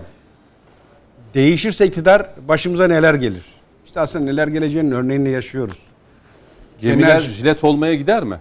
Hiç Gitmez şüphe- herhalde. Yok canım. Hiç şüphen olmasın. Yani Hiç şüphen olmasın. kadar kötümser İlk olmak önce çürümeye. Atatürk Sonra jilete. İlk önce Jet çürümeye Mehmet abinin sözünden çalmayalım. Devrim Evet. arabaları örneğini unutmamak lazım. Atatürk'ten doğru. yaşadıklarımız ölür ölmez ilk İyi önce çürümeye daha sonra jilete ve bütün projeler tek tek söndürüldü. Bunların da söneceğinden şüphen olmaz. Sayın Metin'e de belki son sözü vereyim. Ee, bu konuda Engin Özkoç'a bir şeyler söylemek ister mi? Buyurun. 2-3 dakikam var. Yani vakit kaybı olur. Ben o yüzden bir başka konuya kısaca değinip Buyurun. Ee, geçmek istiyorum izninizle. Bugün e, 34 Kürt vatandaşlığımızın katledildiği bir e, yıl dönümü. Şırnak Uludere'de Roboski diye anılan yerde. FETÖ PKK işbirliğiyle yapılan bir operasyon. Çok kirli bir operasyon. 30 o- 34 tane can Kürt yurttaşımız katledildi. devletin içindeki FETÖ'cü unsurlarla PKK'nın içindeki malum unsurların istihbarat paylaşımıyla ortaya çıkan bir hava operasyonuyla. Bakınız bu olay bir PKK FETÖ işbirliğidir. Ve o dönem yapılmak istenen şey şuydu. Ben bilahare mecliste, komisyonda ilgili belgeleri okuyan biri olarak bunu televizyonlarda defalarca söyledim. Bu bir konsorsiyum, FETÖ PKK konsorsiyumu. Süreci sabote etmek istediler. Erdoğan'ın Kürtler nezdindeki itibarını yok etmeye çalıştırdılar. Erdoğan'ı Kürt katliamcısı, Türk devletini de Kürt katliamcısı göstererek Erdoğan'ın Kürtlerle olan arasını bozmaya çalıştılar. Kürtleri Erdoğan'la düşmanlaştırmaya çalıştılar. HDP bunu çok iyi kullandı, istismar etti. Ama ne oldu biliyor musunuz? Bitiriyorum bir cümleyle. Tabii. Bugün o Uludere'de öldürülenlerden birinin e, kardeşiyle konuştum ben. Roboski ailelerinden buradan selamlarımı gönderiyorum, acılarını paylaşıyorum. HDP ne yaptı biliyor musunuz? Anayasa Mahkemesi sürecinde kendisinden istenen bir belgeyi, evrakı teslim etmediği için dava düştü. Sonra Ahim'e başvurdular. Ahim hiç hukuk yolları tüketilmeden kendilerine geldiği için davayı görmedi. Yani o Uludere'deki katliamın faillerinin ortaya çıkartılmaması için bir kez daha FETÖ PKK işbirliği HDP marifetiyle gerçekleştirildi ve şu an o olay kapandı. Yani ciddi bir oyun kuruldu Türkiye'ye. Hem süreci bozmak istediler. Çünkü PKK'yı kullanan güçler sürecin bozulmasını istiyorlardı. Bir de Erdoğan'la Kürtleri karşı karşıya Peki. getirmeye çalıştılar. Bu olay Türk devletinin işlediği bir cinayet değildir. Bu konsorsiyumun işlediği bir cinayettir ve ne yazık ki yargıda faillerin ortaya çıkartılması sürecinde de HDP hukuk biriminin çok ciddi sorumluluğu vebali vardır. Türkiye Kürtlerinin bu açıdan HDP'den hesap sorması gerektiğine inanıyorum. Burada da ailelerin acılarını yürekten paylaştığımı da kendilerine iletiyorum. Çok teşekkür ederim. Programın sonuna e, geldik. E, yılın son konuşmak lazımıydı. Ceyhun Bozkurt teşekkür ederim. Şimdiden hayırlı seneler, mutlu seneler diliyorum. Sizlere E, yeniden e, Türkiye Değişim Partisi Genel Başkan Yardımcısı Doktor Aziz Murat e, Hatip Ağaoğlu bizimle birlikteydi. Aziz Bey teşekkür ederim. Size de Ben iyi teşekkür seneler ederim. diliyorum. Sağ olun hep birlikte. İnşallah. Coşkun Başbuğ önümüzdeki sene görüşmek üzere. İnşallah. Yeni yılını kutluyoruz bütün Peki, izleyenlerimizin. Bütün izleyenlerimizin. İnşallah çok Sayın iyi bir Metin Erse de iyi seneler, e, sağlıklı, hayırlı seneler diliyorum. Tüm Mutlu seneler. Evet, Mutlu tüm seneler. izleyicilerimize de seneler. aynı dileklerimizi sunalım. Ee, yeni yılın yani 2023 yılının da ilk konuşmak lazımında görüşmek dileğiyle diyelim. Hoşçakalın.